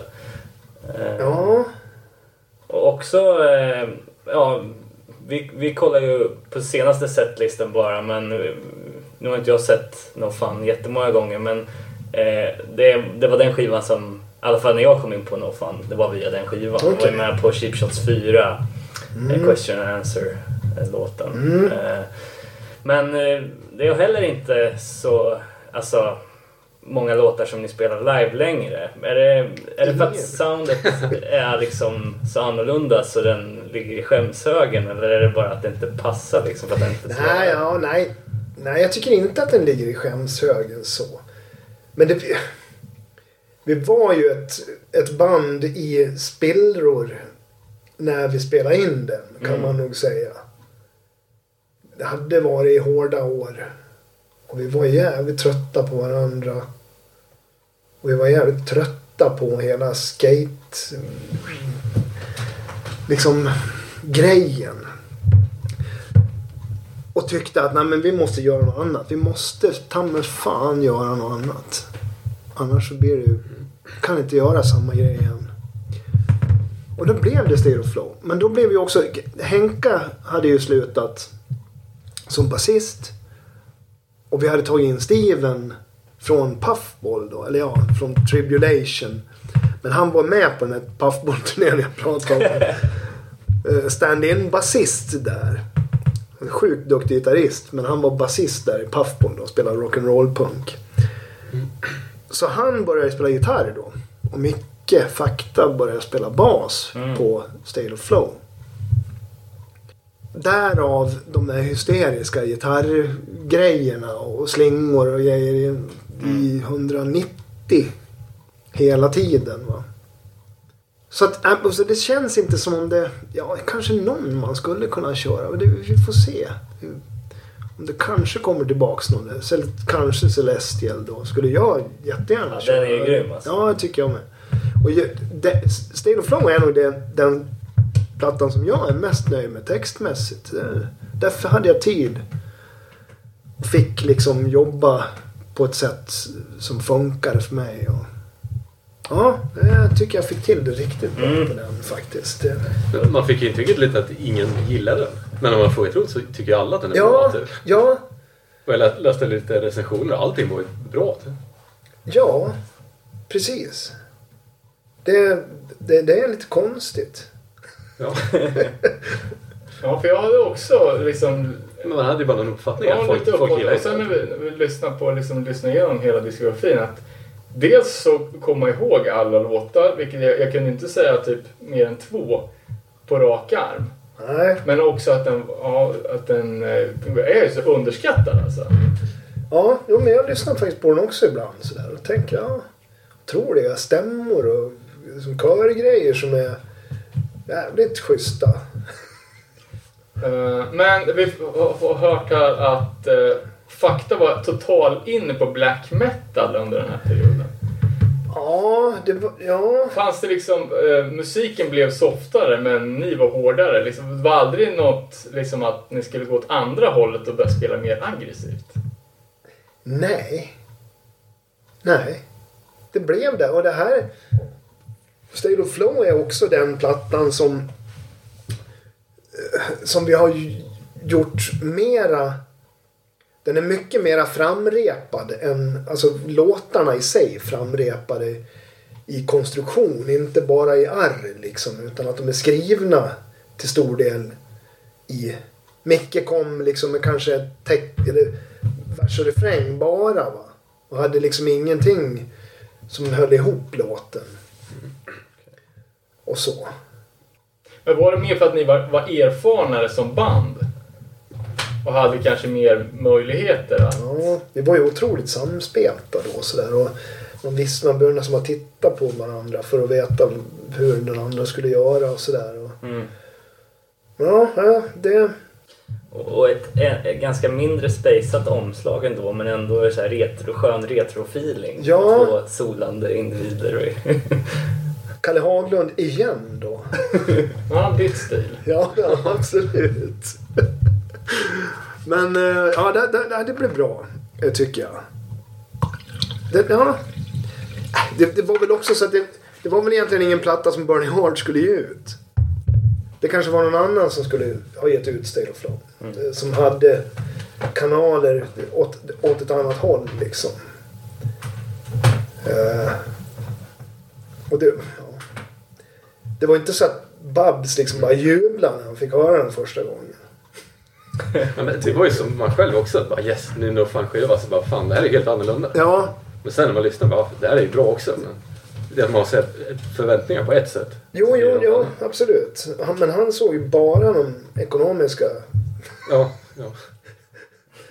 delen av det hela. Och kanske första... För Cheap Shots... Ja, jag kommer inte ihåg vilken det är nu. Som den som Celestial är med på. Den kom ju liksom... Jag tror vi mixade den speciellt för att den skulle hinna komma med på den. Okej. Samma som med Hives Main Offender är med på den också. Sa inte du nyss att det var? Fyra. Är det fyra? Mm. Ja. Fy fan, jag hörde Main Offender första gången där. Då höll jag på... Jag- Jag tyckte det var så jävla bra så att... Fy fan. Ja. Ja, verkligen. Det är mycket bra på den skivan. Ja. Eh, Även Monster tyckte jag var svinbra. Alltså, Ja, Sen gick han solo. Men Monster Ja. alltså. Det är, vilket också diplomatiskt uttryck där. Ja, men den är ju bra. ja, Abash them. Ja, ja, precis. absolut. Mm. Och vi, vi, vi, Ja, men eh, apropå Hives. Ja, ja, just det. ja, vi var ju... Ja. Någon sa att ni hade stått ett bolag till dem någon gång. Ja. För vi la ju ner då efter, efter den fruktansvärda turnén på State of Flow också. Där allting bara gick sönder och vi var strandade på parkeringsplatser och fy fan. Säger. Vart var det här då? Det var så här att vi var så jävla smarta tyckte vi. Så vi skulle fan inte åka någon nightliner längre. Utan vi skulle... För det, går ju det kostar ju så sjukt mycket pengar att åka nightliner. Ja. Så vi tänkte vi hyr en stor husbil. Och så drar vi vårat släp efter den. Och så åker Och jag körde typ 90, ja kanske 85 procent av allting. På alla turnéer. Kjelle och jag var de enda som körde i princip. Tänkte jag, ska jag sitta och köra det så kan någon sitta och spela kort där bakom. Och, Fan vad bra det här ska vara. Åker ner till Nijmegen i Holland. Och innan första spelningen, innan första spelningen är avklarad har växellådan gått sönder på den jävla husbilen. så, så det går bara att ha tvåan i. vi övervägde väl bara, klarar vi av en hel Europaturné på tvåan? Nej, det, det är nog fan en dum idé. Och in på någon jävla verkstad där och otrevliga jävla holländare. Alltså det får jag lov att säga. Det lärde jag mig på den, den svängen. Nej, det här är inget bra folk att göra med. Ja, det skulle ta typ tre veckor för att få den här jäveln fixad. Eller det sa de inte först. Först sa de ja men det kanske går att fixa det här. Eh, men så var det någon jävla dieselblockad i Frankrike. Så, så, och bönderna hade kört ut skördetröskel på motorvägarna där. Så då, ah, fy fan hur det var. Till slut så vi får ställa in Englandsgiggen. Uh, vi åker tåg till ett, ett, ett gig i, i, i Belgien. Med merch och gitarrer och grejer och säger ja men ni får fixa backline. Vi kommer. Och gör det. Åker tillbaks till Nijmegen. Vi var där typ en vecka i Nijmegen. Vi kunde stan rätt bra ut. Missade ni datum på det här? Eller hade Ja, ni... vi missade ju Englands datum. Ja. Två eller tre spelningar i England. Sen lyckas vi till slut få hyra en eh, Iveco så här, skåpbil. Så att två får ligga bak i skåpet när vi åker. på några äckliga jävla madrasser som Steven hade tagit med sig. som vi skulle haft i husbilen. Så man ligger där och svettas bland backline och grejer och så här. Och, och sen så åker vi till slut. Man kommer inte ens in i Frankrike. För de har stängt gränsen. Va? För det går inte att få tag i diesel där. Men vi lyckas i alla fall hitta någon jävla hål där. Så vi kom in i, från Belgien till Frankrike. Och det gick att tanka. Jag tänkte, ja, det är inga problem det här. Fast det var liksom söder om Paris som det började inte gå att tanka. vi, till slut så blev vi avvinkade. Det stod liksom poliser och vinkade av alla bilar ifrån motorvägen. Och bara dirigerade dem till en jävla grusplan. Och där stod vi i ett dygn. Okej. Bara, det, vi hade li, lite, kanske en kvarts tank eller något sånt där. Nej, det hade vi inte alls det då. Vi, och det är en massa lastbilar som står där och vanliga bilar och det är helt kaos liksom. Vi går och frågar... Nej, jag blandar ihop grejerna. Förlåt. Uh, I alla fall, vi beslutar oss efter att ha varit där i typ en hel dag. Så nej, vi åker tillbaks mot Paris då, för där fanns det ju diesel. Så får vi försöka hitta någon annan väg.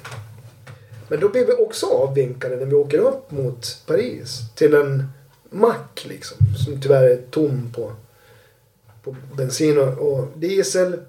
Men vi springer och frågar alla lastbilschaufförer i, som finns där. Bara, kan ni inte sälja diesel till oss?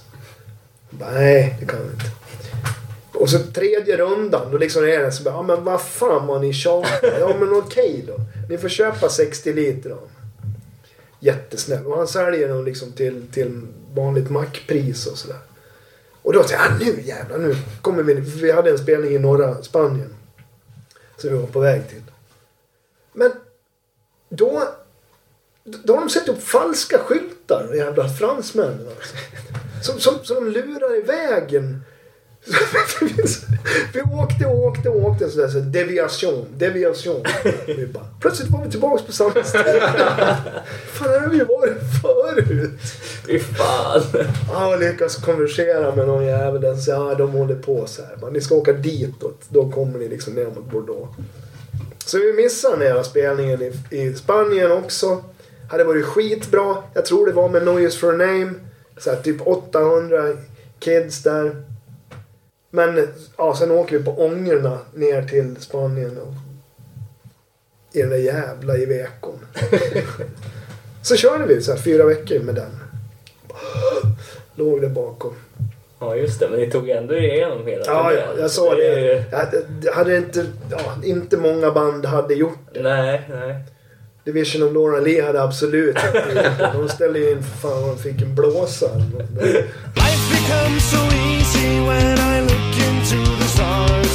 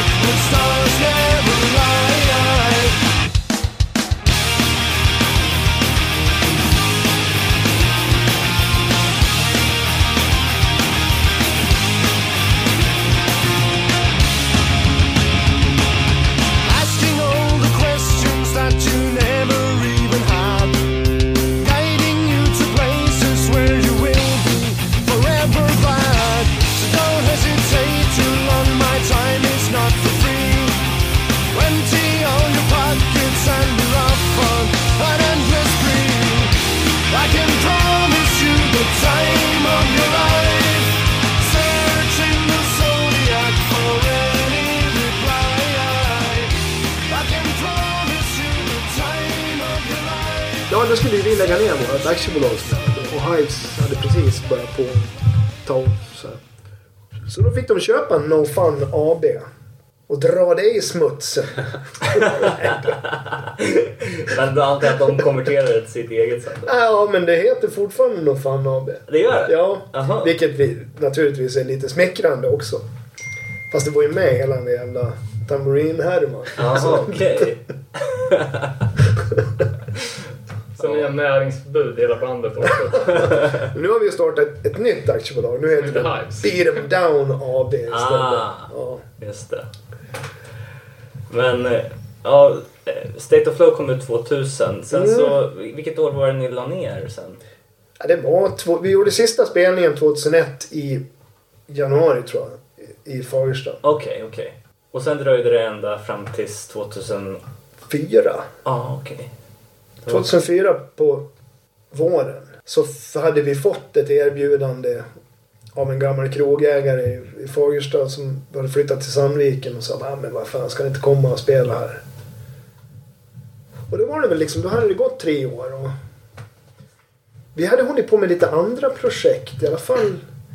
Jag och Kjelle och jag och Krill höll på med två olika grejer och Micke höll på med någonting med cola och var Larna med också i Örebro där då på... Okej. eh, men ja, Vad var det för projekt? Var det något som, som spelades in? nej. Det blev... Det blev... Uh, fy fan, nu är jag helt slut här. du får säga till. Lowrider All right. blev det, tror jag. Att det var så. Jag är inte säker. Men, Ja, men alltså... ja, 2004. Och skitkul var det. Första spelningen. Jättemycket folk där och... Och då fick man det här bara, ja men vad fan. Det här kan man ju göra lite då och då. Det Mm. var ju otroligt kul. Hade det kommit in några erbjudanden medan ni var i, i hiatus? om bra spelningar? Nej, det, det kom... Nej. Coachella. Vadå? Det som Refused gjorde på. De fanns väl inte då kanske? Kanske inte gjorde. Nej.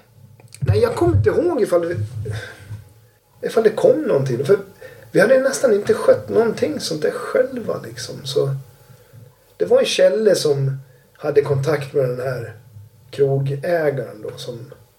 Sandviken tackar man inte nej till. Då är det bara. När, Ja. när de kallar, då Ja, precis. Nej, ja, det var i alla fall... Det enda som var lite konstigt med den spelningen. Det var att min pappa låg för döden. Okej. Så jag var väldigt så här, bara, ska jag åka eller ska jag inte åka? Ska vi göra det här? Eller? Men morsan sa, ja men det är klart att du ska åka upp och göra det. Så gjorde jag det. Sen efter spelningen stod jag och höll i en bärs här. Och så bara, nej fan jag ska inte ta den där bärsen, jag åker hem istället. Åkte hem på natten, sov tre fyra timmar. Sen åkte jag till Västerås. Och, och 20 minuter efter att jag kommer in på rummet där farsan ligger så dör han. Men det var ju otroligt liksom att man bara tar de här besluten Ja, och så, får man, så var vi där allihopa när han dog liksom. Och, Mm. och jag hade gjort det här så jag var ju liksom jag var extremt upprymd också. Det blev otroligt fint liksom Mm. alltihopa. Alltså. Ja, det, det känns som en... Man får lov att säga att Nonfanetone är ju en, blev ju en stor del av mitt liv också. Så att det, ja, det känns ju liksom bra Mm. Att, att det blev så. Ja, man kan tänka att eh, farsan din har, måste ju ha varit liksom jäkligt stolt över din framgång. Det tror jag absolut. Jag hade ju gjort det där och han var ju jättestolt. Och sen hade jag börjat på med, med elen igen. Liksom och Då var han ännu tagit över firman liksom och så här. Va, då. Så att ja, ja det, det blev jättebra. Nu, skulle han, nu vänder han sig i graven nu när jag ska, ska börja på med det här igen. Eh, ja, men du nämnde uh, Lowrider. Och alltså, man märkte ju knappt när den kom ut. Kändes det som en riktig comeback? Nej, det gjorde väl inte det. Vi gav ju ut den själva och det blev liksom aldrig någon, någon hås. Och sen var det ju helt fel tid. Jag tänkte just det, ingen köpte skivor och internet fanns inte. Ja, och, och skate-grejen var ju fan Stendöd. nästan död då alltså. Men då hade vi bestämt oss. Bara, "Ja, men nu ska vi göra en skatepunkskiva deluxe. Hur tänkte du med cowboyhatten på baksidan? Ja, det är ju en otroligt bra fråga. Var det Yellow Biafra-influens kanske? Nej, men jag var otroligt country-inspirerad på den tiden. Jag är fortfarande, men den hänger ju där. Under den där så hänger sam, ja, en ranchwear. Eh, jag hatar ju de som sa åt mig att jag skulle ha på mig den. För jag frågade faktiskt, ska jag ha den här på mig? Ja, det är klart du ska. Jag tror att det var av ren illvilja som jag sa det också. Ja. Eh, mm. Just det. I spegel... Vad fan heter det? Det var på Berns vi tog de jävla korten också. Men, men körde ni, var det ut och turnera på den plattan då också? Eller? Ja, det, jo, det hände ju lite grann så. Vi fick ju löjligt dåliga recensioner också.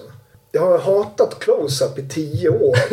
Så nu älskar jag dem ju igen, naturligtvis. Det är ju världens bästa tidning. Fick nya skivan bra eller? Lowrider fick helt värdelösa recensioner. Men det är ju också lite om, som vi snackade om, liksom den här svenska grejen att, att eh, hylla när det är cred och sen dissa när det, Ja, när det inte är hett längre. Precis. trendkänsligt land. Eh, ja, nej då, men eh, vad gjorde vi? Vi gjorde lite Tysklandssvängar så här helg, långhelger i Tyskland. Men sen fick vi faktiskt erbjudande om att åka till Australien på den också. Och Brasilien var vi ett par gånger. Var Australien ett par gånger också. Mm. Och sådär. Och, och lite hit och dit. Och vi spelade rockfest i Kanada och... Och The Odd, ja Gråsrock har vi spelat två gånger också på, på Så att visst har det genererat en hel del på det viset. Men, men det märks ju en skillnad nu när man ger ut på, även om vi ger ut på ett jättelitet skivbolag i USA nu till och med, så långt borta och så här. Så, så finns det ju en promotionapparat runt det här.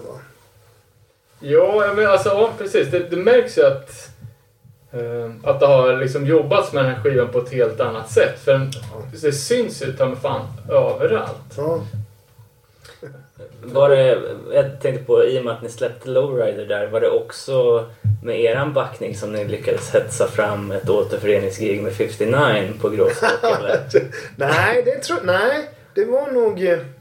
Jag vet inte fan vad det, hur det kom sig. Ni var inte där samma år? eller? Jo, Ja, vi det var- var ju där på det. Alltså. Ja. Men det var så att man bara hörde plötsligt att 59 ska, komma, ska dit också. Man bara va? ja.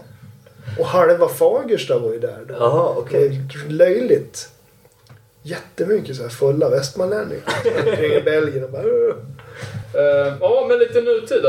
Eh, för det gick ju jävligt snabbt från att Steven och Christer slutade mitt i en tour till att de var ersatta med nya, eh, nya medlemmar. Eh, hur gick det här medlemsbytet till? Eh, ja, du lät lite frågande. De kanske inte slutar mitt i en tour. Ja, då beskedet kom fall. Ja, ja, ja, det blev ju helt fel allting där. Nej, de hade gett, de hade gett besked tidigare. Att, att de... eh, För det, det var liksom frågan om, ska vi, ska vi hålla...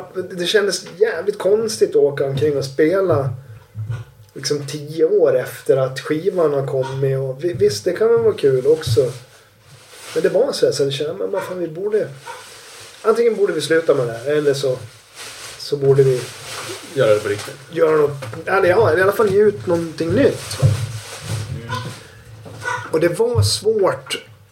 Det kände man för både Krill och Steven att kom, liksom om man fick när man mejlade ut och skrev bara nu har vi fått förfrågan om det här.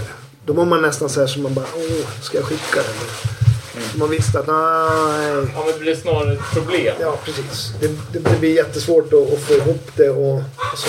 Just det. Och så presenterade Micke och sa att ja, men nu har jag, nu har jag tio låtar. Som jag har pillat på hemma på studion. Och sådär. Och jag skulle jättegärna vilja ge ut en ny platta. Alltså. Och då sa, då sa både Krill och Steven, de hade snackat ihop sig. Så sa ja, men då, då får det vara, jag orkar inte med det. Då ger vi upp. Och så stod, och Kjelle han hade liksom också snackat med Micke så han var det på. Och jag stod där i mitten. För jag hängde, liksom mina bästa polare i bandet var ju Krill och Steven. Ja. Vi hängde otroligt mycket ihop sådär. Eh, så att det var fan ett svårt beslut för mig. Ja. Jag kände också att ska det... För Kjelle och jag hade någon gång tidigare sagt det också. Fan, om man ska ge ut en ny skiva då skulle man ju satsa. Annars känns det också lite så här fjärsigt. bara. Mm. Så jag tänkte i två månader. Och så kom jag fram till att bara fan. Varför ska man inte göra det en gång till? ja, det finns ju inga, inga godtagbara När liksom allting... Man har chansen. Och vi har ett inarbetat namn och vi har kontakter. Vi hade ju gjort allting DIY ifrån 2004 till 2017. Jag menar, boka alla spelningar själva. Mm. Förutom i, Spanien. Och ja, naturligtvis i Brasilien och Australien. Men, men i Europa hade vi liksom varit nere på klubbnivå och bokat internationellt ute i... Och det kändes ju också jävligt kul att göra det. Men jag tänkte då måste man släppa det också. Nej, ja, fan. Men i alla fall, ja. Så blev det så. Att vi skulle göra det. Igen. Men då, då behövde ni två nya medlemmar helt Ja. plötsligt. Hur, alltså, vi tittar ju på dem lite ur perspektivet att de är uppenbarligen cherry-picked känns det som. Alltså, de har ju spelat i extremt bra band innan. Men hur gick det till när ni kontaktade dem? Liksom, och var det, känner ni till de banden som de hade kört innan? Och så? Atlas har vi ju turnerat med. I, i Spanien. En riktig turné och en något sånt där festivalgig. Så att de Mm. har vi ju hängt med lite grann så. Plus att vi hade ju även Det har inte ihop med det här egentligen. Men vi, hade, vi var ju i Japan med Satanic och det, Ah. det är ju lite connections där med Just gamla det. Atlas-folk där och så. Och vi visste ju att Bratt var en sjukt bra basist. Va? Han var även en nykter sjukt bra basist. Vilket är plus i dessa dagar. Ja, det är en lite ny ingångsvinkel på, på No Fun. Kjell är väl också straight edge nu för tiden. Ja, det är han ju. Han har varit det i sex år snart, eller? fan det nu är. Ja. Och bo, ja, så det, det, ja, det, det är ju en helt annan grej nu. Det är ju faktiskt mycket Och, fa- och fakta är maratonman. Och, fakta om Maratonmannen. Så att det är jag då och Ekan nu. Men i alla fall, så, så, så Kjell ringde upp Bratt. Och bara fråga. Ska du bli med i It All? och han tänkte väl några dagar han också. Men sen sa han ja det är klart jag ska bli det. För han, Atlas Losing Grip hade lagt ner bara några, något halvår innan och så. Och sen var vi på jakt efter gitarrist då också. Och det var faktiskt Hives-Nicke som rekommenderade Ekan. För han hade spelat med honom lite grann i fas 3 och sådär. ja, just det. Men vi hade en liten audition. Vi hade två gitarrister som vi valde mellan. Okej. Vem var den andra? Jag är så jävla kass på namn. Han spelar gitarr i DLK. Och heter... Fan vad dålig jag är.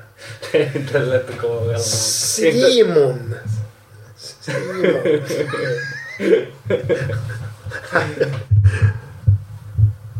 Ja, det där kan ni klippa in. Han heter... Ja, det var inte han Dadde som spelade alla band. Han var också lirare med DLK.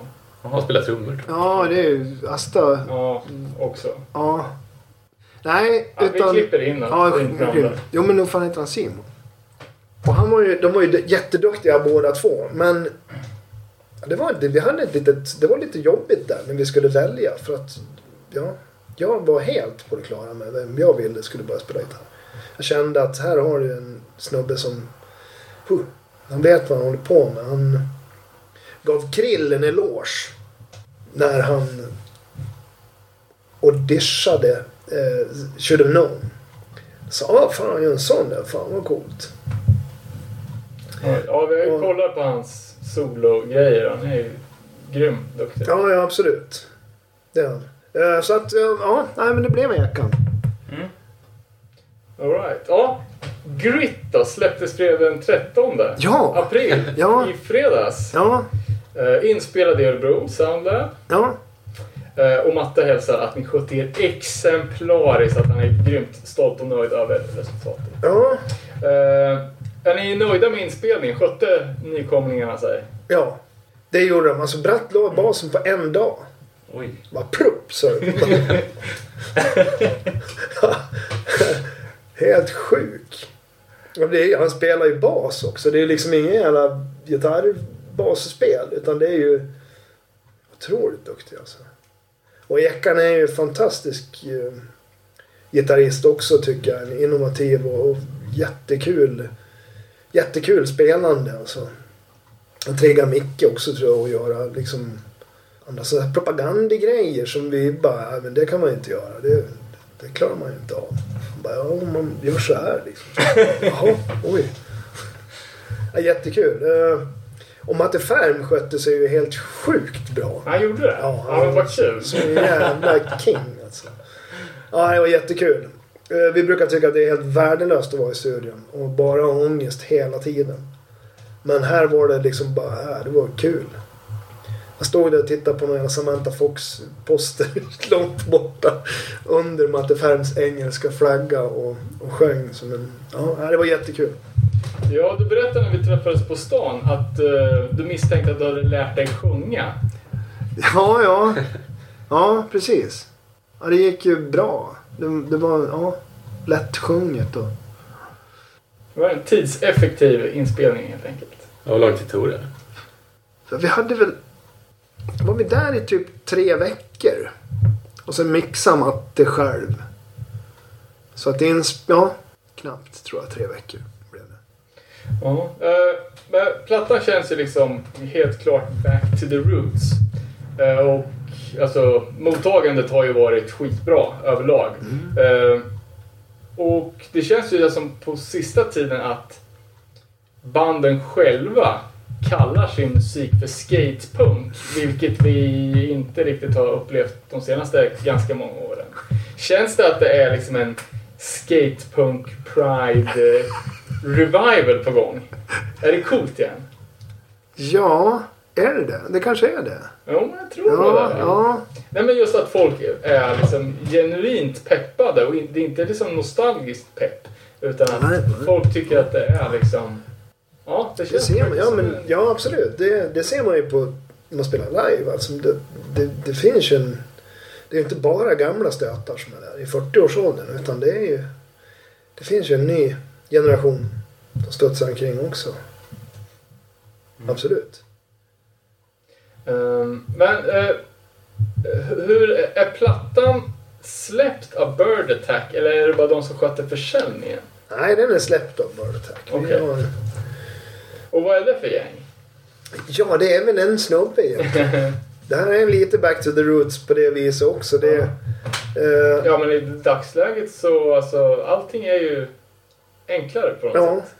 Mer Men när vi släppte... När man... vi, när vi släppte No Straight så, så var ju Barney Hart Bubs. Plus lite så här Praktikanter. praktikanter som Tonka och Kjelle.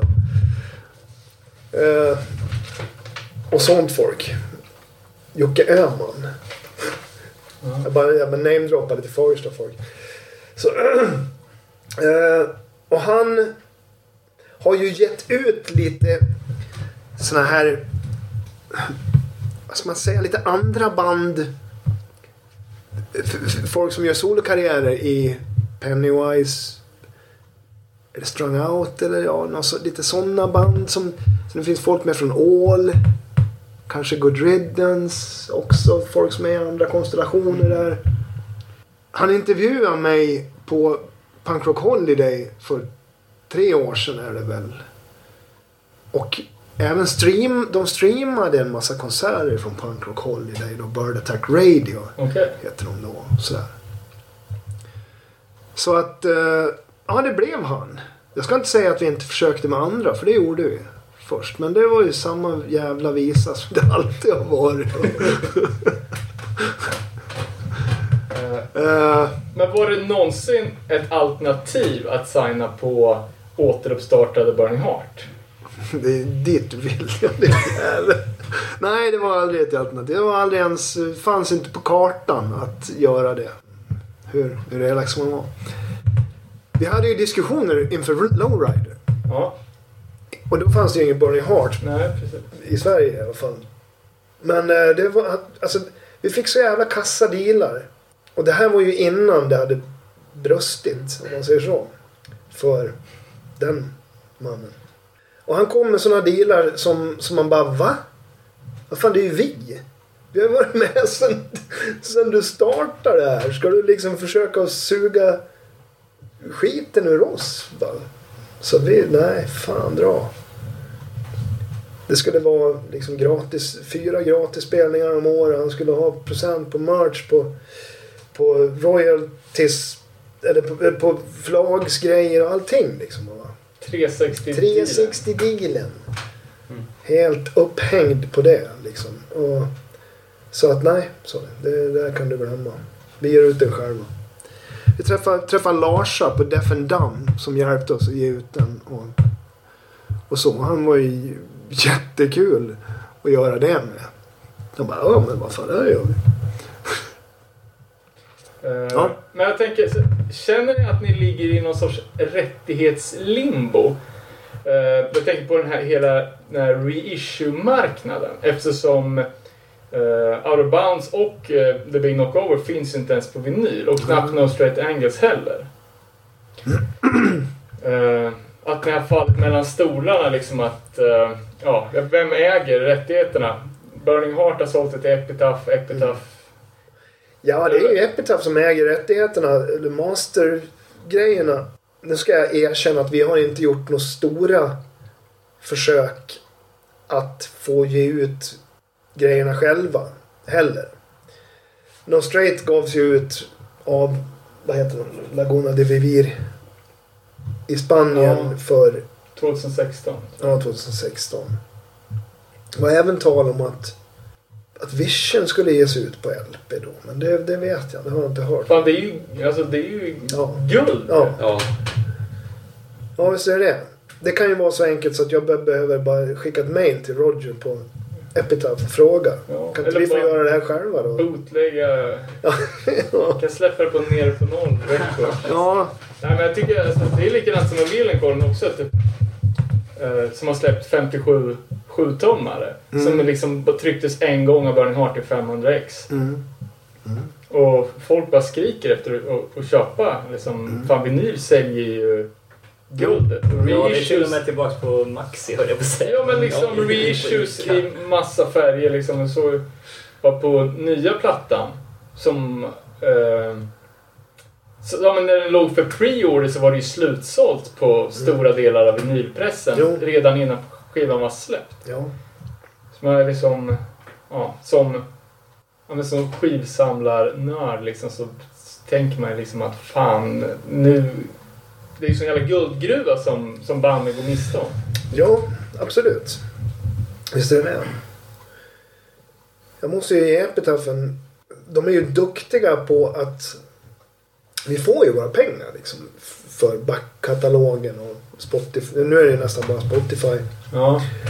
Och eh, streamingtjänstpengar och sådär. Men de är ju otroligt duktiga på, på att betala ut det. Okej.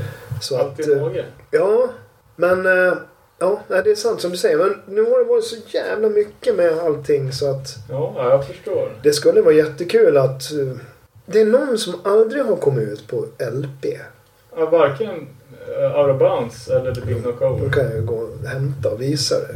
Har de gjort? Ja, alltså aldrig. Ja, just det. Nej, Nej. nu var jag, nu var jag inne Det gavs ju ut kanske 500 ex eh, Eh, där. Originalbåt. På Burning Men inte... Lowrider är bara CD. Ja, Lowrider är bara CD. Det måste ju.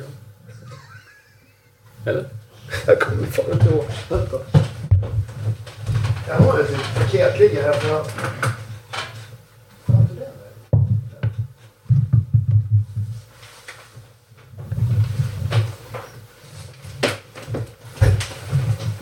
Här finns det kanske lite testpress också. Jag kollade fan upp dem på Discord. Alla kostar ju typ 500 spänn. Jaså? Ja. Vadå? Alla era skivor kostar ju minst 500 på Discord. Är det så jävligt? Det vet jag inte ens vad det är. Test pressing from not for sale. Det står fan inte vad det är för skiva. Alltså. Kollar Det kanske är helt på sju- sjukt. Ja just det, jag är ju sån så jag kan läsa. Det här är Beethovens nia. alltså. Ja, ja. Nej, det där gick inte att få reda på. Det står det inte i matrixen? Men det kanske det gör. Kolla. Forky Prime Cut. BHR 011B. Mocliff 011B. Ja, men då är det ju... 97 08 28. Det måste vara Nocco. Knockover. Ja, där är ju... Ja, där ser du. Ah, Ja, ja. Ja, det hade fan alltså. Fan, jag trodde att det var en hund som låg där, men det var en handduk. Så man ser inte vad det är för man bara ser det. Det är lite snyggt. Ja, den, här, den är ju skitsnygg. Det här, ja, men den där är ju gamla Theologian-vinylen. Och Det här är väl... Det där är ju Burning Heart. Var det här Burning Heart? Ja. Det var det, ja. Bra, vilken koll man har. Ja. Det där är en annan... Ja, Ja, det där är ju Revelation, Burning Heart, Bounds. Där har vi ju. Precis. Guld värd. Ja, Flera, flera kort. Det här kan jag alltså tjäna lite pengar på. Det är pensionsförsäkringen. Icke öppnade någon straight.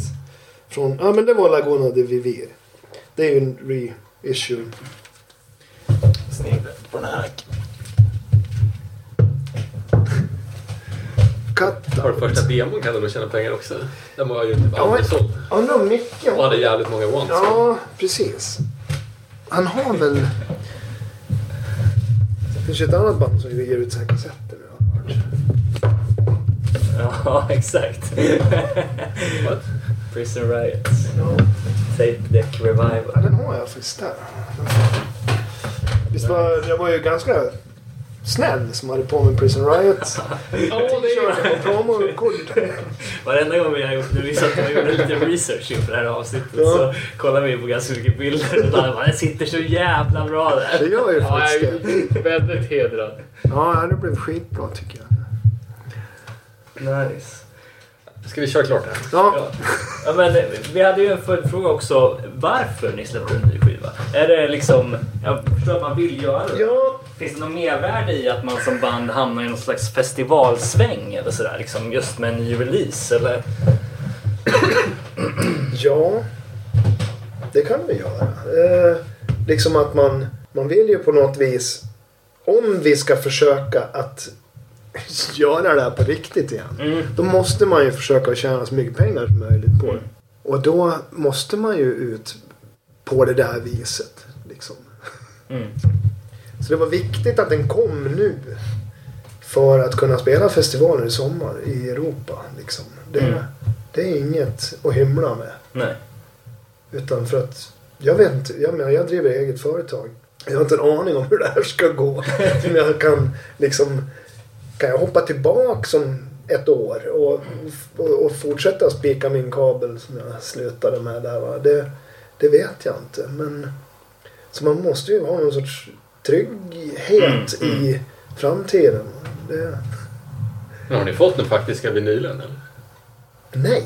För det verkar- ju vara sjuka förseningar på sånt. Ja. Vi åker på turné nu på tisdag. Inte Jag nog måste inte ha den innan. Man vill gärna ha den då. Ja, vad fan, annars är det helt värdelöst. Ja, nej, eh, jag, jag har blivit lovad att den ska komma innan, innan tisdag. Då så. Då så. Så det är imorgon eller... på Postnord. Ja. Eh, Ja, nej, men liksom lite också um, hur... Den här, det är en st- stor satsning, liksom, hur det krockar med vardagen. Eh, och de nya kidsen gissar vi att de, de har ingen jobb. Men hur är det för, för andra? Ja, men de har väl lyckats fått någon sorts lov av sina arbetsgivare att antingen få tjänstledigt eller vara ledig jävligt mycket. Och det är lika med både Ekan och Bratt. Bratt har ju, de har ju liksom också jobb. Okej. De är ju, de är ju i 40-årsåldern.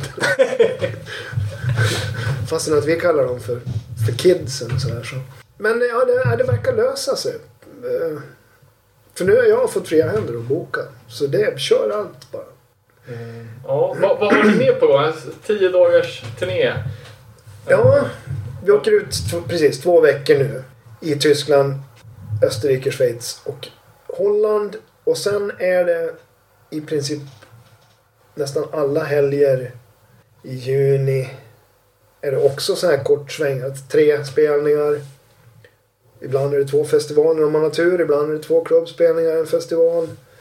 Och så vi, har, vi är bokade av Destiny i Berlin nu. Och de har ju gjort ett otroligt bra jobb tycker jag. Jättekul att eh, de har liksom florerat i alla år. Va? Det är Dave Pollack på Destiny. Honom har man träffat lite grann. Han är polare med NoFX och Pennywise. Och har kört alla deras turnéer i, i Europa och så. Och han har fixat lite spelningar åt oss någon gång då och då. Sådär. Men vi har ju haft andra bokare så... Men ändå. Men nu, nu ringde vi och frågade. Ja men nu kör du oss så.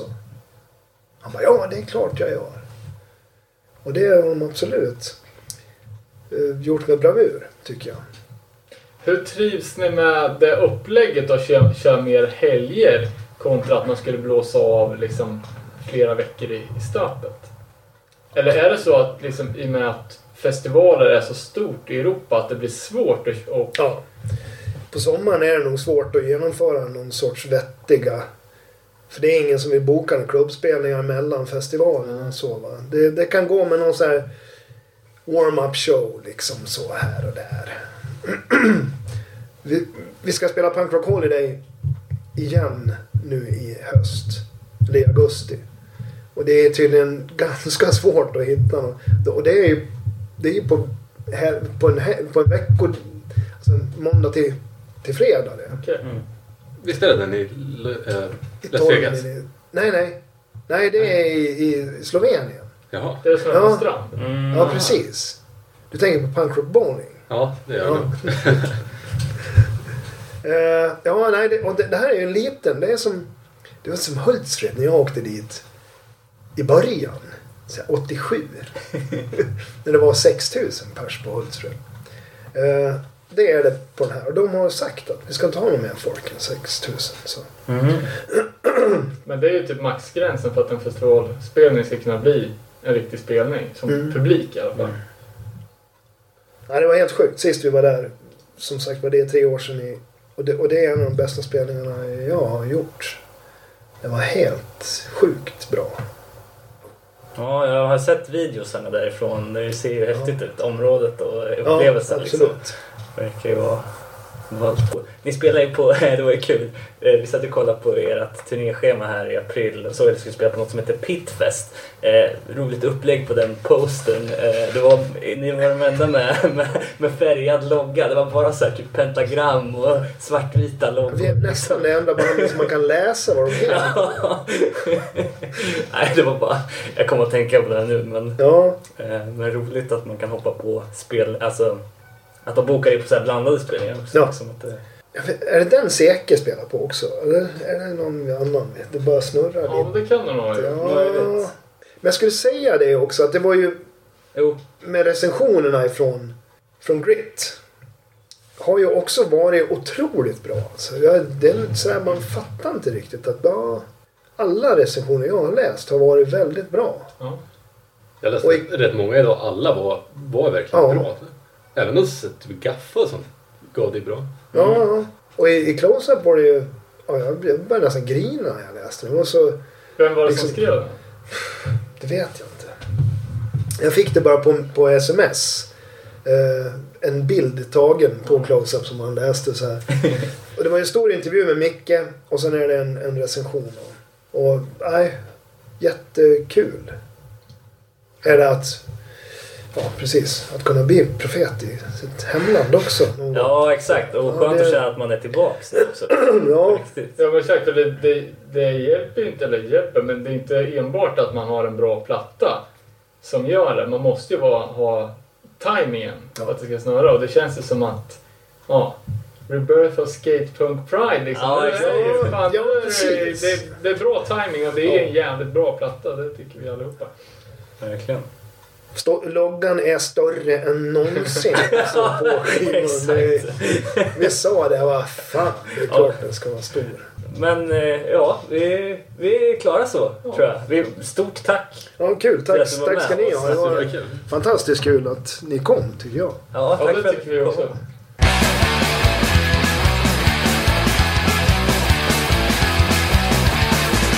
Culture was a seed of proliferation, but it's got it melded into an inharmonic whole, to an inharmonic whole. Consciousness has plagued us and we cannot shake it. Though we think we're in control, though we think we're in control. Questions besiege us in light are testament of our helplessness. There's no vestige of a beginning, no prospect of an end. When we all disintegrate, we'll all happen again, yeah. Time is so rock solid in the minds of the can't it should slip away. Explain why it should slip away. History and future are the comforts of our curiosity, but here we are, rooted in the present day. Rooted in the present day. Questions that besiege us in light are testament of our helplessness. There's no vestige of beginning, no prospect of an end. When we all disintegrate, we'll all happen again, yeah. If you came to conquer, you'll be king for a day. But you too will what to do here when you think your path is clear. We have no control.